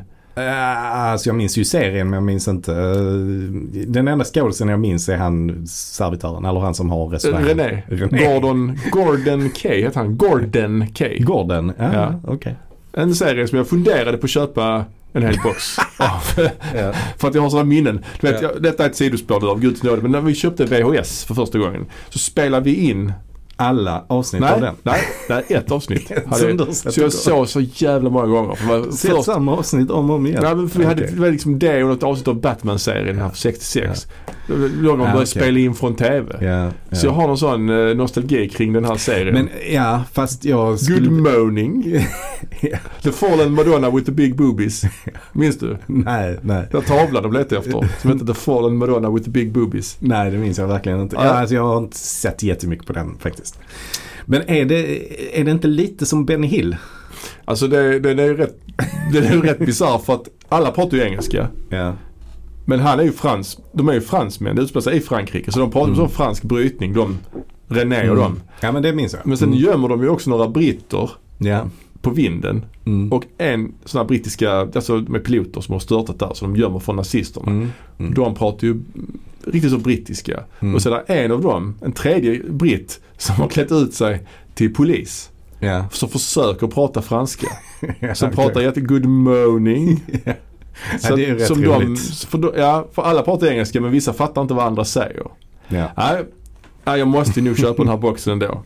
Jag är sugen nu. Är inte Black Adder roligare? Är inte det också en sån serie som kom samtidigt liksom? Jag vet inte, det känns se- senare men eh, ja kanske. Ja, kanske. Men eh, hur kom vi in på detta? Jo, nazister och så vidare. Han Ja. den här Todd då. Ja. Om jag ska vara lite kritisk så hade jag önskat att han var med mer i filmen. ja, faktiskt. Jag håller med. Han, eh, ja, han har, han, är, han har för lite att göra. Han var, jag kommer ihåg att han var eh, jävligt obehaglig och Ja, rälig när ja. man var liten. Alltså, eh, jag hade nog lite mardrömmar om honom för han kändes väldigt, väldigt ondskefull. Ja, verkligen, verkligen. Sen är det ju i den här fighting-scenen så försöker han ju ta den här medaljongen men den har legat inne i elden Mm. som är ett stekhet. Ja. Så bara får han ett sånt brännmärke Ja. på handflatan. Som återkommer sen när han gör Heil Hitler. Så Ja, har, sen, ja, det är så jävla bra skrivet också. Det är sådana små grejer som är Ja, Men det slutar med den här shootouten att uh, Indiana Jones och hon Ravenwood eh, liksom, hon säger eh, I'm your partner. Du Mm. måste, ska du ha medaljongen så får du ta med mig på köpet. För de, är det, hennes, det är ju hennes krog och den brinner ner liksom. Mm. Så det är också Mm. bra flow, bra jävla framåtrörelse i filmen. Alltså. verkligen. Ja. Och jag tycker också dessutom att hon är ju en suveränt bra skriven karaktär ju. Alltså, Ja, ja. hon är, um, nej men hon är, hon är tuff liksom. Mm. Och hon har en egen krog i Nepal där hon är med i dryckestävlingar. Samtidigt som hon ändå har vissa klantiga element. Ja, Så att hon är ingen så här Mary Sue-karaktär som är perfekt. Mm. Och det tycker jag är jävligt mm, skönt. precis. De har, det precis. svårt, eh, de har haft svårt i den här serien att hitta eh, liksom nivån tycker jag på de Mm. kvinnliga karaktärerna kan man lugnt säga. Mm, Nästa, I nästa film så är ju något helt annat till Mm. exempel. mm. Ehm, Men det, det som man också kan nämna här det är ju att det är lite sketchy och det tänkte jag inte så mycket på förr men det tänker man på nu. ja. Alltså han har ju då varit eh, eh, elev till hennes pappa ja, och han berättar att eh, jag har inte pratat med honom på tio år. Det berättar han för de här CIA-agenterna. just det. Och anledningen till det var att eh, de, hade, de hade en falling off liksom. Och det var väl att han var ihop med hans dotter då eller? Det var det. Ja. Och hon nämner också att när de träffas nu för första gången på, på tio år då så Mm. nämner hon I was a child and I was in love. Eh, Det känns Mm. ju lite eh, sketchy för han måste ju varit i... eh, Äldre, helt enkelt. eh, ja, han måste äldre. ha varit betydligt Hur äldre. gammal är han här egentligen? Ja, Vet du hur gammal Indiana Jones är? Nej, det tror jag inte. Nej. Man kan få reda på det i kanske... Nej, det tror jag inte. Alltså. Nej. Nej det är, det är svårt att avgöra hur gammal han är men eh, han är ju, Indiana, alltså Ford själv var väl eh, Men man kan ju- 40 ungefär. Man kan ju i alla fall läsa det som att Abner Ravenwood, Mm. eh, pappan som nu är död till eh, Marion. Mm. Eh, han blev arg på Indiana för att han dejtade hans dotter som var eh, troligtvis för ung för att dejta någon. Ja, liksom. ja det, är, det, det är sketchy. Det, är en, det är konstigt att de har skrivit det på det sättet Ja. kan jag ändå Ja, tycka. Man vill inte go there så att säga. Nej, nej. När man tänker på denna film. Eh, men de tar sig vidare till, och här har vi också en trop. Mm. Det här flygplanet Mm. med den röda linjen över Mm. världskartan. Det Just det. det är fin. Ja, och det vet jag inte om det är första gången man, eh, man visar liksom att tid eh, går och att man reser någonstans. Att man visar det på det sättet. Det tror jag det måste vara taget från Ja, det något, känns ju som det, något, absolut. eh, äldre. Liksom. Men det återkommer ju i alla filmerna, till och med Mm. den senaste då. Men, det är, om, men det är väldigt snyggt. Ja. Jag, jag gillar det väldigt mycket att man får se en världskarta och så Ja, ser man ett Oh, rött streck som... eh, och det är ett sätt att visa att tid går framförallt. Mm. eh, också. Tid Mm. och eh, rum så att säga. Ja. Ehm, och sen hamnar de i Egypten då. Fast det var inspelat i Tunisien tydligen. Mm. Mm. Eh, för de hade lite svårare att spela in i Egypten. Och plus att Star Wars spelades in i Tunisien ju. Så att Mm. det är ett par inspelningsplatser som är samma som i Star Wars faktiskt. Mm. eh, och då träffar de ju Salah. John Mm. Rhys Davis. Som jag har träffat några gånger, har jag berättat ju. Ja, berättar just jag det. varje gång vi träffas. Ja. Eh, och där händer ju mycket, många actionsekvenser. Mm. Eh, bland annat eh, är det ju den här klassiska den här stora killen med svärdet. Mm. När Indiana Jones bara skjuter honom. Ja. att- Det skulle Ja. egentligen bli en sån stor fight ju. Men Ja, ja. Harrison Ford var väl sjuk den dagen eller något sånt. Mm. Han mådde inte bra så de fick göra Det så var inte så att alla blev magsjuka när de Det var var där i någonting sånt. Så Alla utom uh, Steven Spielberg blev magsjuka. Jaha okej. ja, för han fick tipset av George Lucas att eh, du eh, äter inte maten där för det gjorde vi på inspelningen av Star Wars och då blir alla magsjuka. Ja. Så ta med dig eh, konservburkar från, eh, från England. liksom, Ja, ja. För de hade varit i England innan. Ja, de spelar in mycket i England ju. I Mm. Elstree Studios tror jag. Mm. Ja. Ja, där finns mycket där. eh, Mycket som händer. Ja, ja men alltså eh, hela den, eh, för, alltså den, den jaktscenen. Alltså ja det finns jättemycket. Det finns en apa som Ja. är en angivare till exempel. Ja, som jobbar för nazisterna. Som Till jobbar och för med heilar nazisterna. apan ja, precis. Den finns ju och sen så finns det ju hela den här jaktscenen där, där Marion gömmer sig i en korg. En, Ja. en, liksom en, Ja, precis. Han letar som henne. också är väldigt rolig och jättebra. Alltså extremt bra refuserad. Mm. Eh, när hon, bara en sån enkel grej som när hon då ska undkomma de här eh, som jagar henne.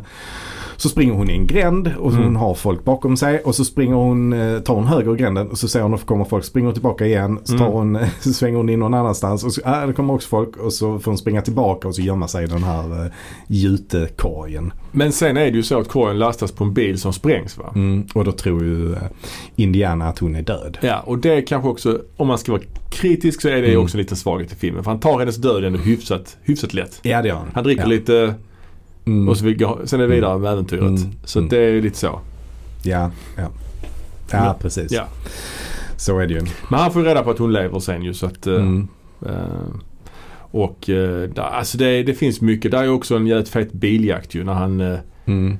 Också detta är ju innan CGI och så ju så det är Mm. mycket stunts här på riktigt liksom. Och det är Ja, ju ett, precis. ett Det- annat liv. Det är då han hänger i uh, Mercedes-märket Ja, fram, framme på lastbilen. Ja, Ja, precis. det är också jävligt Och så går det av. Ja, ja, ja. Oh, ja. Ja, Sen åker han in den under är- bilen ju. Sätter Ja. piskan och, ja det är så jävla Ja just det. Ja det, det är extremt snyggt. Även eh, det här, och nu, nu kommer en sån engelsk term som jag inte riktigt vet hur man översätter till svenska. Mhm. Men set piece. Ja men precis, setpiece. Va- Ja men hur alltså, säger man det på precis, ja svenska? men setpiece, ja, jag vet inte. Men alltså i alla fall en sekvens som kretsar kring till exempel en, en typ av eh, scenografi. Som en lastbil till exempel, en lastbilssekvens eller Ja, Eller eh, ja, set pieces. Ja det är ju set piece efter set piece i, i de här filmerna ju. där finns ju en set piece där som kretsar kring ett uh, flygplan ju. Mm. eh, som är så extremt bra refuserad. Det är så mycket olika grejer som händer i den Ja gud ja. setpiecen. Ja ja ja. Den Alltså- här fighten alltså med den stora killen. Fighten, ja, Ja, precis. det. Mm. För det, det är ju då, Marion har blivit eh, räddad och eh, de, ska, de ska fly Mm. eh, från det här nazistcampet som de är på. Ja precis. Och då är det ett stort flygplan då. Ett bombplan är det väl? Ja någon konstig flying wing tror jag det planet hette. Ganska ovanligt plan tror jag. Ja, okej. Ja. Ja. Eh, men de, de ska då eh, hoppa upp på det. Men eh, dels är det en pilot redan och sen så är det då en eh, vakt av något slag då, som Harrison, eller som Indiana Jones börjar slåss med. Mm. Eh, och under, under tiden då så kommer ju Marion upp där och, och slår ner han, som, han piloten alltså. Mm. Så han eh, landar på spakarna så flygplanet börjar köra och Ja. snurrar, svänga runt. S- Och då samtidigt så kommer också en jättestor kille, Mm. flintskallig, Mm. eh, som verkligen är en sån eh, urtypen Ja. av en, en henchman. Ja verkligen, verkligen. Liksom. Han är också med i andra filmer ju. Ja, nej. Samma kille spelar ju den här som fastnar med halsduken. Det är ju samma skådis. Jaha, Ja, är det det? kul. Ja, det det, hade ja. jag ingen aning om. Nej, Ja, det vad är kul. Ja, det är kul. Ja, ja. kul. Ja. Eh, och de dör ju på exakt samma sätt typ. Ja typ så. Ja. Ja, för här, äh, Indiana Jones har ju ingen chans mot honom för han är Nej, ju nej. verkligen en, han är skitstor och eh, han har riktiga sådana boxningsmove. Mm. Och det är ju också en intressant grej med Indiana Jones att han är ju rätt dålig på att slåss egentligen. Alltså alltid när han Ja. slåss så är det ju sådana rallarsvingar liksom. Ja, precis, ja. Eh, och det är ju också mycket att de trillar och sådär. Men här har han ingen chans mot honom men eh, till slut då så, så dör ju den här eh, stora killen för att eh, den här propellern, han fastnar ju i propellern. Just det. Typ. Man ser Så- blod spruta. Ja, man ser blod spruta. Ja det är grymt. Och det, är, alltså, det, det, är, det är grymma set pieces, det är grymma analoga äkta stunts. Det är enda gången man, enda svagheten tycker jag är när de använder special effects. Alltså. Mm. Då kan det vara en Mm. del svaga sekvenser. Det är någon, I den här biljakten Mm. så är det någon bil som kör av, av ett stup ju. Mm. Jag kommer ihåg att det alltid såg så jävla fake ut. Mm. Även när man var liten liksom. Mm. Nu när jag såg, jag såg faktiskt om filmen nu på Disney Plus. Där såg det lite bättre ut. Jag undrar om de har Mm. tvättat det så att säga Mm. nu. Jag vet inte. Kan de ha gjort. Kan de ha gjort. Det såg lite bättre ut nu. Men det har alltid sett så lite så här brun ökenmiljö så är bilen helt grön. Ja. Alltså så att, ja. eh, sticker ut som fan liksom. Ehm, men eh, nej men de, de får ju arken och så, så åker de iväg i båt ju. Mm. Det är också Mm. en jävligt bra scen där de är på i hytten. Och Kapten Katanga, Katanga, låter ja. dem, eh, han, han ger sin hytt till dem. det är så jävla bra när de sitter där, han är helt sliten och hon Mm. vänder spegeln. Slår honom i huvudet med den och så klipper man till en exteriörbil och så har man hans skrik. Det är så jävla bra. Ja det är så jävla bra. det, är, det, är, Och säger hon, sa du något? det är humor på hög nivå. Också det tjutet som bara känns helt så Ja, ja. overkligt liksom. Eh, Men då nazisterna kommer i alla fall och, och eh, tar, tar henne. ja, För han här de- Belloc är ju- jobbar ju för nazisterna och är lite betuttad i Marion Mm, också dessutom ju. Mm. Nej, hon, eh, det återkommer ju också. Det, det är så att, eh, eller det, det, det fröet som sås. Mm. Sås? Mm. Man så? Ja. Sås. Det sås. Nej, vi får klippa bort det här. Det låter för dumt. Nej det ska jag inte göra. Ja, titta, ja, ja. Nej men i, eh, det återkommer ju den här dryckestävlingen. Hon, Ja. Marion har ju också en dryckestävling med eh, Belloc. ja det är också eh, jävligt, det är smart writing. Ja. Det är bra writing. Där hon försöker undkomma. Men, Mm. men då jag kommer tror ju... kan att, det var eh, Karen Allens förslag. Ja, att, ja. att jag återanvänder den grejen. Ja, okej. Jag det, är- inte det säker. är skitbra i så Inte fall. säker. Nej. Inte säker. Men då, då när hon ska springa ut från tältet så stoppas hon av Tott. Just det. Och då gör ju och det kommer jag också ihåg från när jag var liten. Ja, när han tar det. upp den här. Han har liksom, tar fram en, en ett slags, jag vet inte vad det är. Någon Något, reds, kedja något liksom, redskap Ja. där det är liksom pinnar och kedjor involverat. ja. Och så tror man ju att han ska ta fram något slags tortyrredskap då. Men Mm. nej, han bara viker ihop det och så visar det sig att det är en galge. Mm. Så, så att hans betjänt kan liksom ta hans skinnrock och hänga på galgen. ja, det är bra också. För jag trodde jag, jag tänkte jag, när jag såg det första gången, oh det, han har också ett vapen. Så Ja. kommer det bli som fight mellan honom och Indy. Indy har piskan och han har den liksom. Tänkte man då. Ja nu hoppar vi hej, hej vilt här i, i Mm. eh, kronologin i den här filmen. Men Ja. ehm, där är ju en sekvens som jag också alltid har reagerat på. Det är ju efter när, när nazisterna kommer till det här skeppet. Mm, De tar, tar eh, Marion men Indy hittar dem inte. mm, Och sen visar det sig att Indy är ovanpå ubåten. mm. Och sen klipper man till en sån här röd linje. Tänker hur fan klarar han det? För Ja, det indikeras precis. också att ubåten ska sk- dyka ju. Mm. Ja, ja visst. Det, tror, det tänker man ju Ja. att en ubåt gör. För övrigt är det ju samma ubåt som i Das Boat. De fick låna Mhm. den från Das Boat Jaha, inspelning. där ser man. Ja, så det är inspelat uh, utanför England någonstans. Är det till och med samma som i Älskade spion? Eh, Det vet jag inte. Kanske. Där är också en ubåt ju. Jaha, ja, det, det, det tror jag inte. Eftersom den är tidigare. Men, men uh, där är en bortklippt scen tror jag när han hänger i periskopet eller något sånt. Ett sliten. Aha, okej. Uh, Ja, ja. ser lite kackigt ut faktiskt. Ja. Det har alltid, alltid stört mig på det. Att, Mm. fan de dyker ju. Han borde ju Mm. inte kunna hänga med då liksom. Jag har fyllt i själv där och bara tänkt okej, han tar sig in i ubåten på något sätt och så gömmer han sig inne i ubåten. Ja, jag har försökt göra det också. Men Men, hur fan öppnar är- en ubåt utifrån? Det är, Ja precis, dels är det svårt och sen är det också rätt svårt att gömma sig på en ubåt för jag tänker att där finns inte så mycket skrymslen som inte används. Nej, Liksom. vi har ju en ubåt här i Malmö på vårt museum. Mm. Tekniska museet. Ja. U3 heter den va? Ingen aning. Har du varit där någon på senaste tiden? Inte på senaste, nej. Nej. Jag har varit där kanske, utan att överdriva, 200 gånger. De Ja, senaste ja. 10 åren. Okej. Eh, 200, varför? Nej, mina barn. Alltså det är, en- Är de helt en- besatta av den det är enkel, enkel förströelse. Vi bor rätt nära museet. Ja. Det är rätt billigt att gå in där. Mm. Eller det var i alla fall det. Mm. Jävligt trångt är det i alla fall. Mm. Den är ju rätt så gammal den ubåten. Den är ju från den tiden liksom. Mm. Så att nej, det är svårt att gömma sig. Ja det är det ju verkligen. Det är det bestående minnet jag har Mm. när jag var på den ubåten. Liksom, att, ja, det finns inte mycket ytor till övers. Den här filmen är ju alltså typ under två timmar lång. Ska jag säga. absolut. Det, det är Jo, verkligen, det händer mycket. Mm. Det är jävla Ja. tempo. Ja, det är tempo, det är bra tempo och eh, Många minnesvärda scener. För filmens final kommer ju sen. De åker Mm. med ubåten till någon ö i typ Svarta havet eller Mm. sånt. Och de ska genomgå någon slags ritual ju. Mm. Där den här Belloc ska öppna arken. För de vill, och de filmade med någon sån kamera och sånt. Det är också jävligt coolt ju. Mm. Även om effekterna för det går ju inte bra ju. De öppnar den och så kommer det upp en massa ljus men sen blir det någon form av demoner. Och alla de här eh, bad guysen dör ju. Ja. Och när jag såg det här första gången tyckte jag det var så sjukt obehagligt. Framförallt när han Mm. tårt smälter liksom. Ja, ja. Men sen Ja, när, man ser verkligen. om, när man ser om det nu så är det ju inte så Nej, läskigt det ser alltså. inte jättebra ut. Nej det ser inte så bra ut, tyvärr. Ja. Men det är också lite märkligt att eh, Indiana Jones och eh, Marion de klarar sig för att de blundar. Mm. Mm. Det köper jag inte riktigt. Jag köper inte heller riktigt att, ja, men hur vet Indiana Jones det?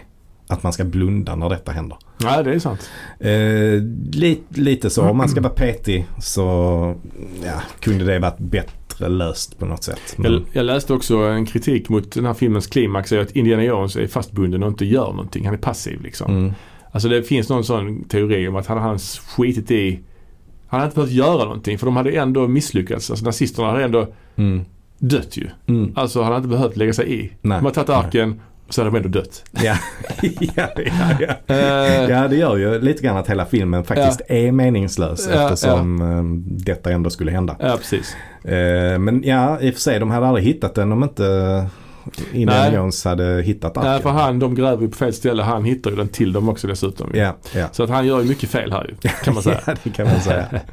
Men, men. Eh, Slutet gott, allting gott ändå. Ja, är, ju- han får ju aldrig behålla skatterna som han hittar ju i någon film. Nej. Eh, och här är det ju en riktigt fin eh, klassisk slutscen när de pratar om Ja, vi måste, han träffar de här CIA-gubbarna igen Mm. och de säger Mm. att eh, vi eh, måste We, we got top man Ja. on it. top men. Ja. Och sen klipper man till att man lägger ett jättelikt lager med massa Ja. lådor, top secret. Och den bara liksom, ja. Hamnar eh, någonstans Mm. i eh, anonymitet Ja. i det här lagret. Ja. Och kommer aldrig någonsin att eh, öppnas. Nej. Och det är väl på något sätt, eh, för det, det känns som att eh, både Spielberg och Lucas är väldigt så kritiska mot byråkrati. Ja, igen. kanske det. Väl Hollywood-byråkratin Ja. kanske. Eh, ja, men alltså där finns ju en del brister har vi ju sagt nu. Mm, Men de mm. är så pass uh, marginella De är ändå. försumliga Ja. jämfört med eh, allt som är bra. För jag tycker att allting är, är på, verkligen på toppnivå här. Liksom. Ja, ja, ja.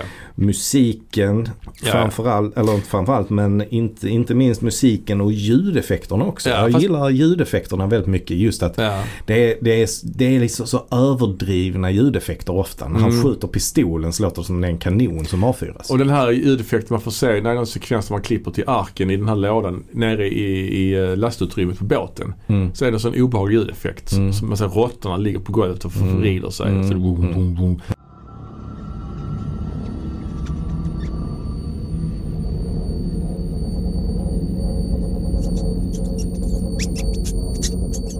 Mm. Och så, börjar bränna sönder nazistmärket på lådan. Ja, Det är coolt. ja.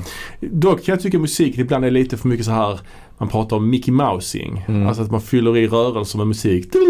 Och sånt. Mm. Kan vara lite för mycket. Alltså, det, är Ja, nästan, sånt är det ju. det är Sånt väldigt det. få tystnader i den här filmen. Ja, men i den här filmen tycker jag att det passar in. Ja, det kanske är... Och Ja, det hänger också ihop med alla komiska ljudeffekter som inte är musik liksom. Men som, mm. och, och, som jag sa, pistolerna är överdrivna och Ja, pisksnärtarna är ju också ett sånt klassiskt ljud från Verkligen. dem. Ja, Eh. Samma sak när de slåss. Det låter ju inte Nej, riktigt såklart. som att man blir slagen. Det är ju inte realistiska ljud. Nej, nej, nej, nej. Men som sagt, en perfekt, perfekt äventyrsfilm Mm. får man säga. Och eh, ikonisk karaktär. Ja. Och man gjorde en film till ju, två år senare. Tre år senare. Ja. Och det var ju alltså Indiana Jones and the Temple of Doom 1984. Just det.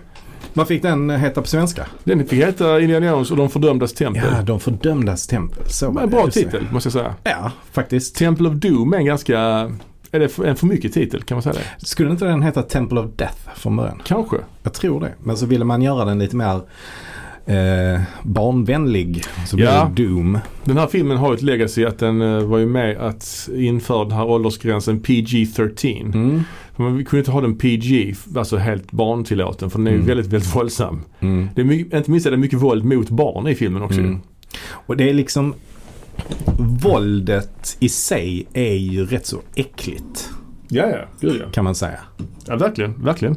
För det är mycket våld i första filmen också. Ja. De skjuter folk och de blir piskade och ja, lite allt möjligt. Ja, det är någon som blir skjuten i huvudet i första filmen och det rinner blod ner i pannan liksom. Men, men här är det ju, här är ju våldet liksom rätt eh, nasty Mm. på ett annat sätt. Ja, verkligen. Eh, Jag såg, vad har du för relation till den här filmen? Har du sett den mycket också eller? Den har jag sett en del gånger men inte alls lika mycket. Okej. Ja, jag har Och- sett den här jättemycket också. Ja. Nej men jag, jag tycker ju inte denna är lika bra. Har aldrig tyckt Nej, det heller. Nej. Liksom. Och det är ju inte så ovanligt att tycka det. Jag tror ändå att det är, Ah, nej, det är det ju inte. Absolut inte. det Absolut. är inte. nog lite konsensus tror jag. Den här, jag kommer ihåg när det bara fanns de här två filmerna. Att det var de Ja. här två som fanns bara. Ja. Eh, och jag blandade ihop dem lite grann, alltså vilken som var ett och tvåa och så. här. Den här Mm. utspelar sig ju före ju. Mm. Den utspelar sig Mm. året innan. Mm. Um, så man brukar skriva att det här är en prequel. Även om Mm. det inte är en prequel för den har ju ingenting med nästa film att göra. Det är inte så att den sätter upp Nej. någonting till nästa film. Men ehm, jag kommer ihåg att jag såg den tidigt när jag var på fjällsemester när jag var liten. Jaha. Så på hotellet där Mm. så hade de, ett, jag vet inte vad det var, någon slags föreläsningssal eller någon konferenssal. Mm. de hade så här bio eh, på kvällarna. Så var det så här videokanon, minns du dem? Mhm. Så här tre lampor liksom. Nej, nej. Alltså tre- kanon? Man kallade det för det, det var ju en projektor Ja, okej. alltså. Men det var liksom Ja. tre, det var bred och så var det tre olika Ja. som sköt. Och då visade de denna filmen kommer jag ihåg. Mhm. Då var den ju censurerad också av svensk eh, censur ju. Det var vissa, vissa scener som man klippt i. Bland annat den här, när han sliter ut hjärtat ur, ur, Mhm. ur bröstet. Då är det Ja, liksom, okej. fick man inte se själva grävandet där så att Nej. säga. Ja, det minns jag inte faktiskt. En annan film som visade på det här hotellet var filmen Fletch. Ja, Mm. också en bra film. Ja. Eller? Och, Den har jag inte sett på väldigt, väldigt länge. nej jag Det har också gjorts en remake på den tror jag. Som bara försvann ut i tomma intet. Jaså?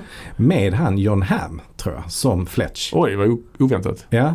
Ja. Eller har jag bara drömt detta? Ja, jag vet inte. Jag vet En inte. Det, men det känns som du känner inte till det. Nej jag känner inte till det. För det jag vet det finns, en, sedan det finns ju en uppföljare på Fletch som heter Fletch Lives. Det kommer Mm. jag ihåg. Som är omslaget är så här bortom med vinden pastisch. Kommer jag ihåg. Mm. Sen en annan film som visas på det här fjällhotellet. Jag fick jag gå tillbaka, detta är 80-tal vi pratar Mm. om naturligtvis. Men eh, jag får gissa. Är det också en komedi eller? Ja. Svensk. Svensk? Ja. Då är det Sällskapsresan 2. Ja, det, det är en rimlig gissning. För det var ju ett fjällhotell. Ja, Eh, nej det var inte den. Utan det var Jönssonligan för guldfeber. ja okej. Ja. Mm. De visade också en Bruce Springsteen-konsert. Born in the USA. Mhm. Bara visade det så Mm. liksom. Skitsamma. Mm. Jag, jag såg den filmen. Jag minns det och jag såg den. Jag har sett den mycket liksom. Mm. Jättemycket. Var var ni i fjällen någonstans? Storlien. Storlien? Jämtland. Jämtland? Ja, okej. Storliens högfjällshotell. Ja. Vi var där ett par gånger. Både på sommaren och på vintern faktiskt. Jaha. Vandra, Hur ja. kommer det sig att ni var där så mycket just i Jämtland? Oklart. Oklart varför. Ja. Men eh, fint var det. Ja. Mycket Ja. fint. Mm. Ehm, den här filmen eh, är ju lite annorlunda när det gäller eh, både tid och rum kan man säga. Mm. Den utspelar sig på lite mer begränsad yta. Och Mm. sk- inom Mm. stora citationstecken för det utspelar sig Mm. ändå både i Shanghai och i Indien. Mm. Men det är ändå inom citationstecken bara två länder. Mm. Och det är samma kontinent. Han är bara i Asien ju. Mm. I den här filmen är han ju inte alls i Amerika. Nej. Det är han ju i första filmen. Där är han ju på sitt universitet. Det är han ju inte här. Och jag älskar verkligen inledningen på den här filmen. Mm, det gör jag verkligen också. Inledningen är ju, ja men den är helt eh, fantastisk. Vi får ju se Indiana Jones i en lite annan eh, karaktär här. Han kommer i smoking och han är på Ja. en nattklubb. Vit smoking. Ja, så har man liksom inte sett honom tidigare. Nej, Så här är han ju lite mer James Bondig verkligen. ur det Jag tror perspektivet. Connery har vit smoking också i någon film. Jo, det har han i Ja. eh, Goldfinger väl? Ja, kanske det. Ja. Vet du vad reglerna är kring uh, vit smoking? När man, när, var man får bära det? Nej, nej. Jag har hört att man inte får bära vit smoking Ja. norr om Kairo. Man får inte det? Nej. Nähä. Norr om Kairo. Jag gillar den regeln. Ja, ja. Jag gillar den regeln. Ja, men det är en bra regel Mm. om, om det nu verkligen är en regel. Har inte Daniel Craig det också i, eh, i den Spectre. Casino, eh, vad heter den? Eh, Royale. Royale. Han har ju Spectre tror jag på omslaget i alla fall. Ja okej. Jag kan inte min Craig så väl alltså. Jag har Nej, sett för- dem så mycket. Casino Royale är ju norr om eh, Ja det är. Montenegro va? Ja visst det, just det. Ja, ja. är det. Ja det är norr om Kairo. Så där gör han fel. Jag tror inte Mm. Bond skulle göra. Jag tror inte han har vit smoking där. Jag vet inte. Thunderball måste det vara, inte Goldfinger. Det Thunderball, Thunderball. ja. Okej. Eh, men man luras ju som tittare här. För att det står liksom Harrison Ford starring in Indiana Jones and the Temple of Doom. Och de, använder också Indiana Jones-loggan i förtexterna. Det gör de inte i de andra filmerna. Nej. Och hon eh, kommer ut där då, Kate Capshaw. Mm. Och det är ju lite så tempelscenografi. Mm. Så man ska ju tro att man är i det här Temple of Doom redan där ju. Jaha, det har jag aldrig, det har Nej, jag jag, aldrig jag, jag, har alltid tänkt det. För det är så här, de kommer, kommer ut ur något sånt stort huvud och det här. Jaha, okej. Ja, ja, visst. Jo, det köper jag nu när du säger det. Men jag har inte, det har inte gått in hos mig riktigt. Men sen övergår man ju till ett musikalnummer, den här Anything Goes. Fast Mm. då på, är det mandarin de pratar Mandarin om? är det, ja. Mm. Det är ju svinbra. Mm. Det är ju riktigt Mm. bra. Ja, men det är det. Det, är ser verkligen bra. ut som en musikal från 40-talet liksom. Ja. Eller Ja, 30-talet. de använde väl en sån eh, koreograf eh, som jobbade i, liksom med musikaler i Hollywood. Mm. Så 50-talsmusikaler liksom. Och sen övergår det till den här sekvensen där han har vit smoking då. Ja. Och Ja. han då ska förhandla med de här eh, kinesiska gangstrarna om Ja. eh, något, eh, något, något artefakt han har liksom Mm. Mm. snott för att sälja till dem. Mm. Det är ändå intressant att han eh, jobbar så också. Mm. Det är inte så etiskt. Nej, det är det inte. Det är det inte. Och då ska han få en diamant. Ja, det är också intressant att han bryr sig om det. Ja. Alltså, här, här här känns det som att han gör det för pengarna på något Ja. sätt som han inte Ja. gjort innan. Mm. Men det är, det är så bra. De sitter vid sånt bord som finns på vissa Kina-krogar med sån eh, snurrplatta i mitten. Mm. De flyttar grejer och ja, det är så jävla nice. Mm. Och eh, sen så urartar det ju ganska snabbt för eh, han, eh, de ger ju honom eh, gift. Ja, han får ett glas champagne och så dricker Mm. han. Mm. Och så bara Och så är det förgiftat. Och, And now you give me the diamond. ja. Så bara hålla upp en, en liten eh, flaska med något, något blått, någon vätska. What's that? Antidote. For what? Antidote for what? The poison you just drank Dr. Jones. ja. ja det är så bra. ja, det är riktigt bra. Och så blir det en tokig sekvens där hon, Kate Capshaws karaktär Willie Scott jagar diamanten, han jagar motgiftet och de försöker skjuta ihjäl dem samtidigt. Ytterligare en riktigt bra koreograferad setpiece här. Ja gud ja. Eh, som är skitsnygg. Verkligen. Ja, ja. Den, den är helt perfekt tycker jag. Precis. Denna. Och det roliga var också att, eh, det har jag faktiskt nämnt någon gång tidigare i Mhm. podden, men i filmen 1941 Just det. som Spielberg gjorde innan eh, Raiders Mm. så finns det en liknande scen. eh, inne på en sån, inne i ett ballroom där det då är eh, amerikanska armén som slått, slåss mot eh, flottister. Alltså de, är, de har väl permis eller någonting Mm, sånt och så mm. är de inne på samma eh, sån Ja. ba- bal och så eh, börjar de slåss med varandra och samtidigt som där då är eh, vanliga civila som eh, bara är och dansar och sånt Mm. där och det är helt tokigt. Liksom. Men det, det känns verkligen som att det, han har gjort om samma scen. liksom. Ja, Fast ja. denna gången blev det mycket bättre. Ja det är, och, ja, nej, det är riktigt bra.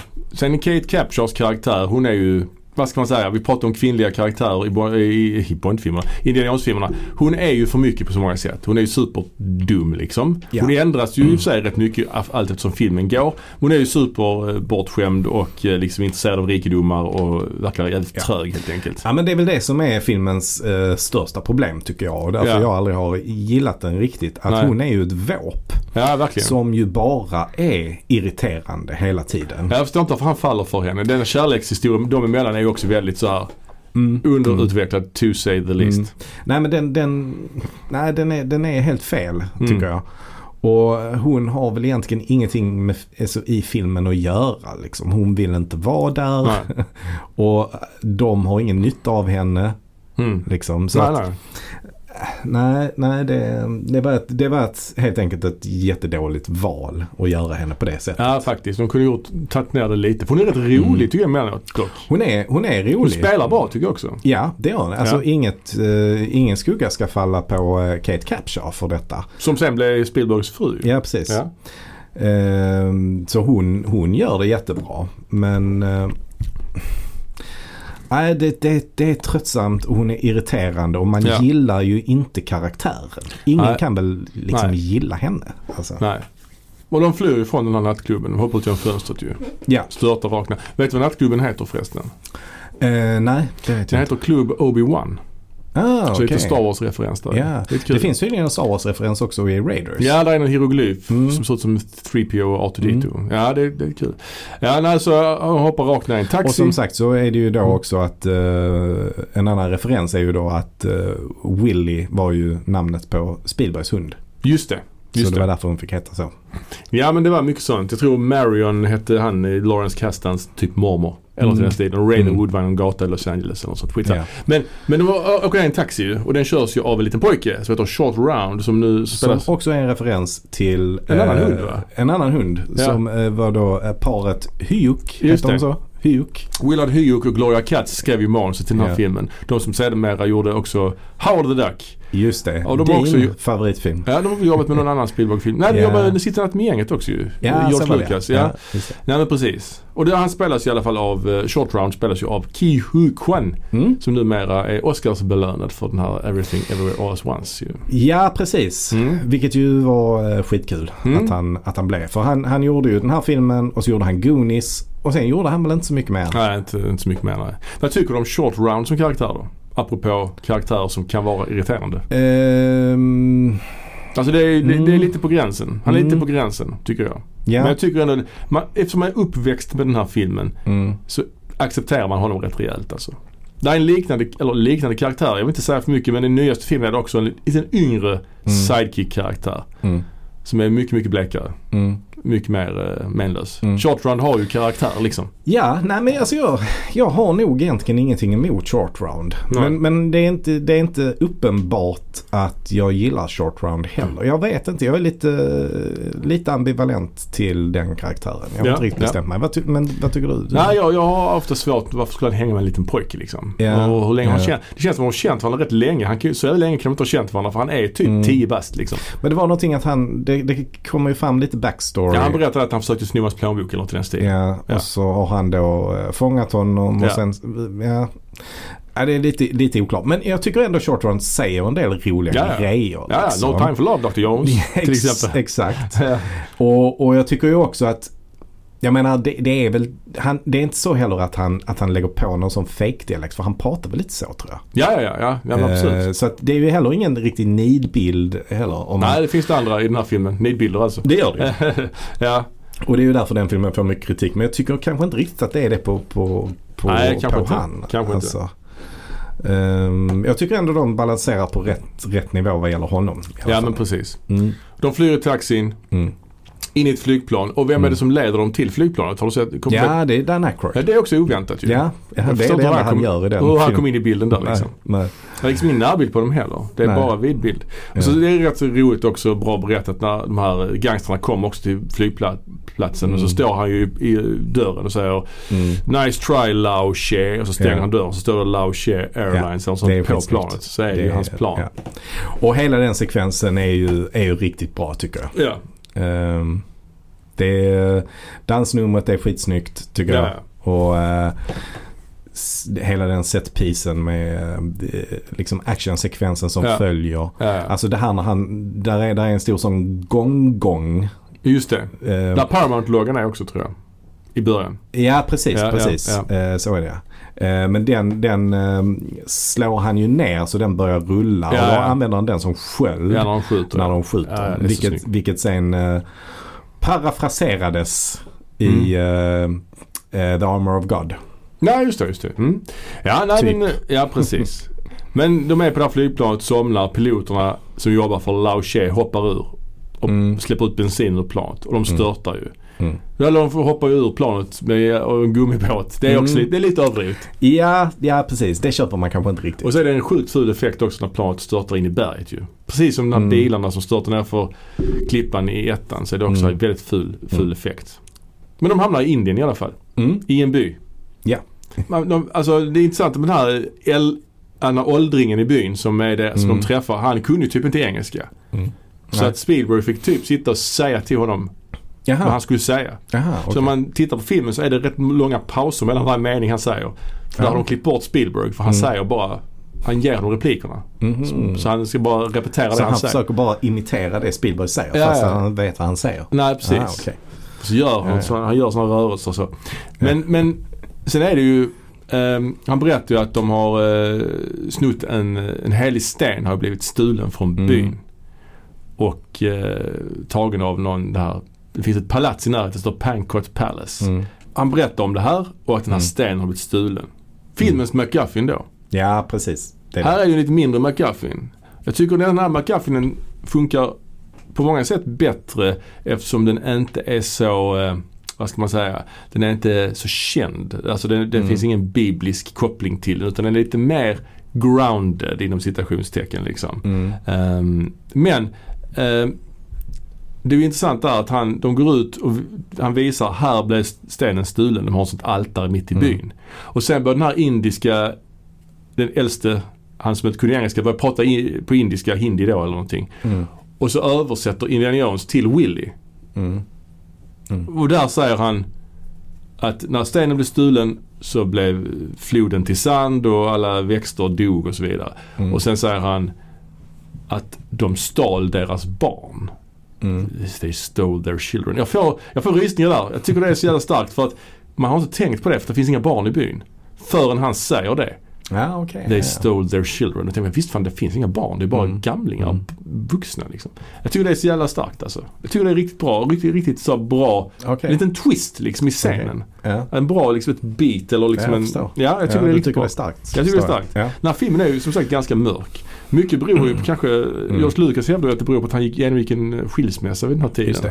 Mm. Och han jämför den också med Empire Strikes Back som är den mörkaste Star Wars-filmen. Att det är Mm. mittendelen i en trilogi på något Mm. sätt så. Mm. Ja. Mm, ja, ja, men, eh, ja nej, jag, ref, jag reflekterade aldrig särskilt mycket över det. Att barnen var eh, stulna. Nej, Eller nej. vad man ska säga. Men ehm, Men det är ju en bra, eh, alltså eh, en bra, eh, vad ska man säga, high stakes liksom. mm, jo, man är nu kommer det handla om att han ska rädda alla de här barnen. Liksom. Mm. Ja, ja, men absolut. Men jag tror problemet är väl att det dröjer så himla lång tid innan, alltså för sen upptas ju inte det. Det handlar ju ändå mest om de här stenarna. Ja men där är ju ändå sekvenser i, i templet. Där man hör, en sekvens där man hör barn skrika och så tittar så ser man dem bli piskade och sånt. Alltså, Ja, man har nästan ja. glömt, man har glömt bort Mm. det och sen så får man påminnelse Ja men det är igen. exakt det jag menar. Man Ja. glömmer bort det för ja. sen hamnar allt fokus på stenarna. Mm. Mm.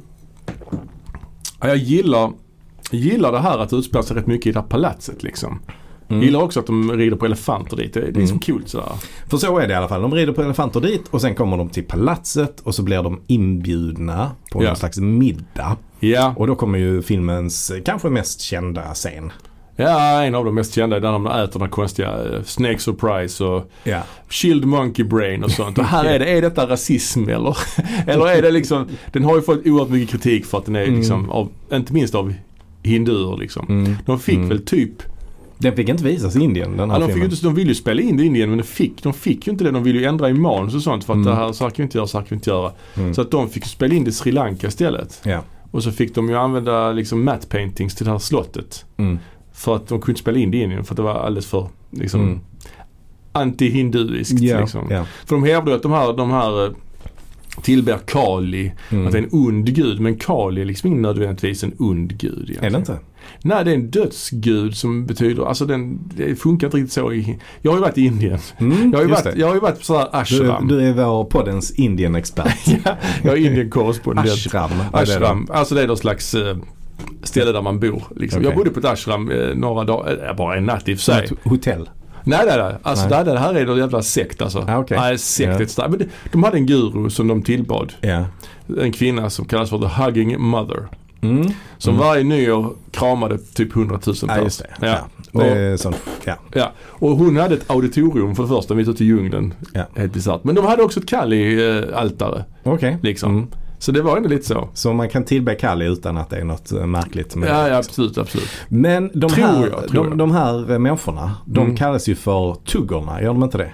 Thuggies, ja precis. Thuggies. Thug. Och det är ju för det ordet thug kommer därifrån. ja, precis. För de är det Ja. någon slags stryparsekt eller något i den stilen va? Något liknande va? Är det det?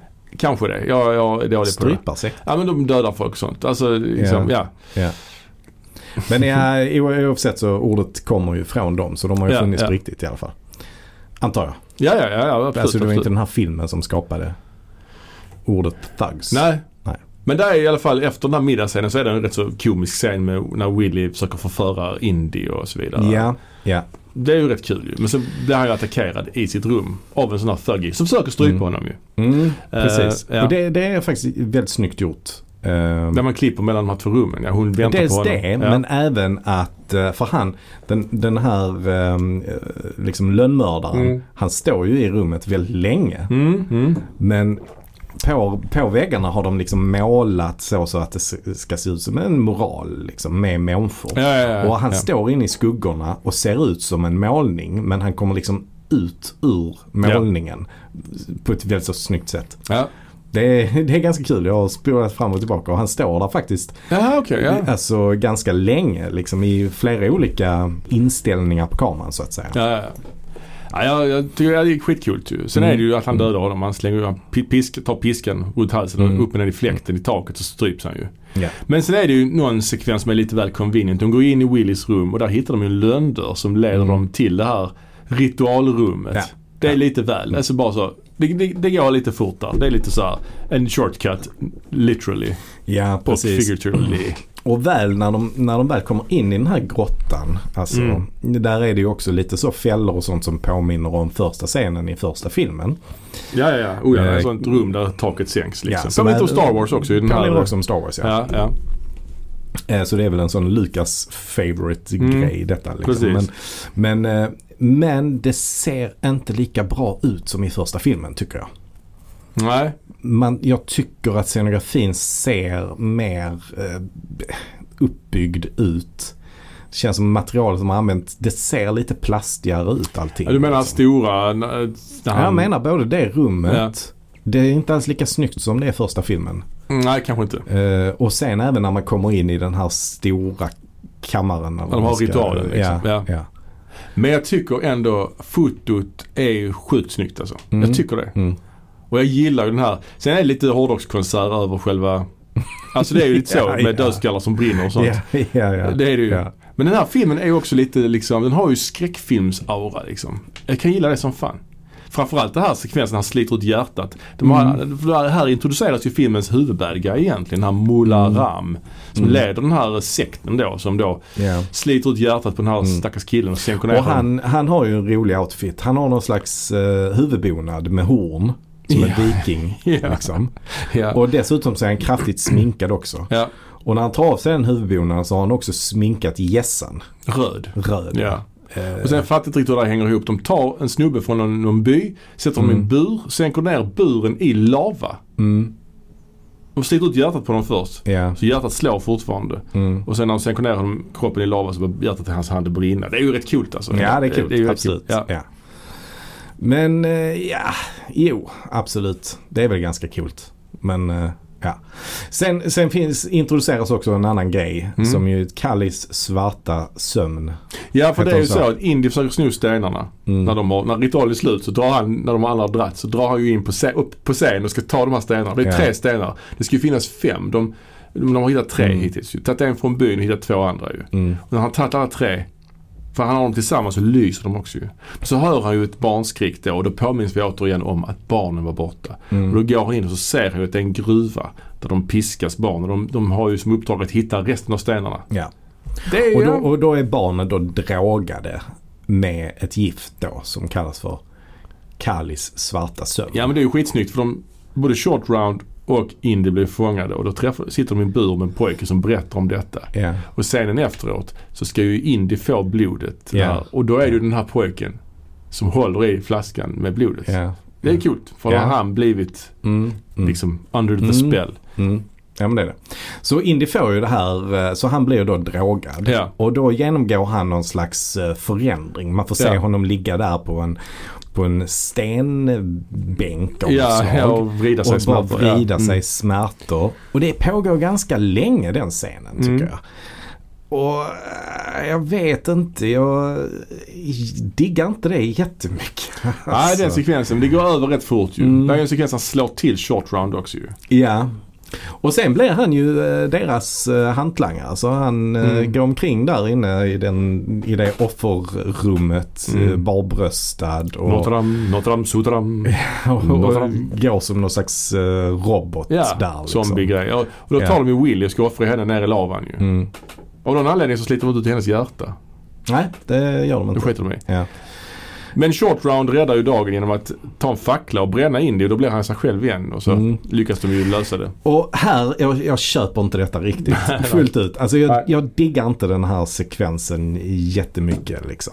Eh, fram till det tycker jag ändå att filmen, ja men den har sina, den har sina poäng och det är Mm. ändå bra. Men här tycker jag den blir markant sämre. Ja, ja. Liksom. Ehm, man kan väl säga att från att de tar, ur, tar sig ur det här rummet med eh, de här fällorna. Mm. Det är för övrigt också en, en sån här dörr som, eh, eller en vägg som sänks ner. ju. ja, just det. Som, han, som Indy precis hinner rulla sig ut genom. Och han har kvar hatten på andra sidan. Ja. Han hinner precis ta den. Ja. Och det är också en eh, liksom, eh, blinkning till en scen i första filmen. Ja, ja, där det är ja. ändå exakt samma sak fast då är det piskan han precis Ja, hinner ja, få ja. Ja, precis. Det, är- det är en rolig grej att man gör en koppling till första filmen Ja, ja, på, på det sättet. Mm. Men i alla fall, oavsett. Här när Indy är någon slags sån, har blivit en mördarrobot. Mm, mm. Nej, jag vet inte. Det är inte, jag, jag köper inte det fullt ut. Nej, nej. Ja, jag, jag, jag, jag vet inte, jag har, inte reflekterat så mycket över det. Det ger ju Mm. någonting liksom. Det är ju mycket våld mot barn i den här filmen alltså. Det är en Mm. mörk film för det måste vara en av Spielbergs mörkaste filmer. Mm. Eh, alltså bortsett från, man bortser från hans så att säga Schindler's list och sånt naturligtvis. Mm. Så är det ju, eh, eh, är det det ju. Mm. Men sen är det, de klarar det ju. Och Ja. så säger, han, säger ju hon Willy till honom, let's get out of here. Så säger han right, all of us. Då ska Mm. de rädda barnen ju. Mm. Och då blir det ju en eh, jävla sekvens där ju. Med, alltså, dels en fight eh, med den här stora killen då som är samma skådis som i första filmen. Mm. Men också den här gruvtågssekvensen Mm. apropå set pieces. I alla fall med den här killen. Det är ju kul att han också dör på samma sätt som han gör i första filmen. Ja men typ, han blir alltså krossad. här, här ja. blir han krossad i någon slags stenkross i den här ja. gruvan ju. ja. Medan i första filmen så dör han av att en eh, propeller eh, kör in i honom. Ja men liksom. precis. Men så är det den här gruvtågssekvensen som Mm. också är ganska Mm. avancerad set piece ju. Ja det är det ju. Det är det ju definitivt ja. Ja. Och sen eh, övergår ju den, alltså de... Jag hade nog faktiskt ett spel. Jaha. eh, Ett Indiana Jones-spel. Typ kanske till Amiga 500 eller någonting sånt. Ja. Där man åkte, ja men där det var en sån, eh, en Mm. del av det. Det klingar bekant Ja, faktiskt. Mm. ja. ja. Nu kommer jag att tänka på nu precis. Ja, ja, ja. ja. Men den övergår ju sen. Det är också roligt att de ska, de åker ju fel spår och de Mm. håller på att dö liksom. Och sen Mm. så ska han ju bromsa med sin eh, stövel. Han trycker ju sin Mm. fot mot hjulet. Och sen börjar hans fot brinna. Så skriker han water, water. Och sen kommer en flod och bara water. Det är bra. Ja, det är bra. Det är bra. Ehm, och, och sen så eh, lyckas de ju ta sig, ta sig ut där på något sätt. Och så kommer de ju till den här bron. Ja, apropå nästa setpiece då. Ja. Och den scenen är ju fantastisk. Ja, det är det ju. Den är ju verkligen den ultimata Indiana Jones Mm. Sekvensen. Ja, men Tycker jag. verkligen. Alltså ja, det, det är ju extremt snyggt liksom. Ja, ja. Indiana Jones är i mitten av en sån här hängbro som Ja. går mellan en, eller över en ravin kan man säga. Och under honom är det en flod med krokodiler. Och, och han står mitt i den här skrangliga hängbron som känns som att ah, den kan gå sönder när som helst. Och det kommer då fiender från båda håll och ska försöka döda honom. Ja, det är snyggt. Och då hugger han ju sönder bron så alla störtar. Och de här dockorna de använder då. Mm. För det är ju på riktigt de gör detta. De filmar Mm. detta ur flera vinklar. Ja, precis. Ja, men det tänker jag. Och eh, ofta så tycker jag ändå det ser ut som det är Harrison Ford som, som men de måste ha fejkat det på något sätt. Ja Liksom. men dockorna de hade som faller, de här, eh, alltså de onda killarna. Mm. Det är ju dockor som de hade lite så animatronics i sig, så de rör sig. Ah. Så det ser rätt verkligt ut Ja, liksom. det ser skitbra ut tycker jag. Ja, verkligen. Ehm, Men, men det, är, det, det finns ju en hel del bilder där det ändå, alltså inställningar där det ändå ser ut som att man har haft kameran Ja. ute på hängbron Mm. och filmar eh, Harrison Ford Ja, ja, oh ja, oh ja. ståendes på Oh hängbron. Ja, men de byggde en bro på riktigt. de gjorde det? Ja, de alltså? gjorde det. De, Ah, hade, okej. de, eh, de byggde en bro eh, på riktigt. De hade en jävla tur att det var någon ingenjörer som skulle bygga någon damm. Eller Ja. något sånt i närheten. Ja, Då bad de dem bygga en sån hängbro. ja, Så de gjorde det. ja. Så det är stålvajrar och grejer. Men Spielberg var skitnöjd. Han vågade ju inte gå ut på den. Nej, jag hade inte gjort det.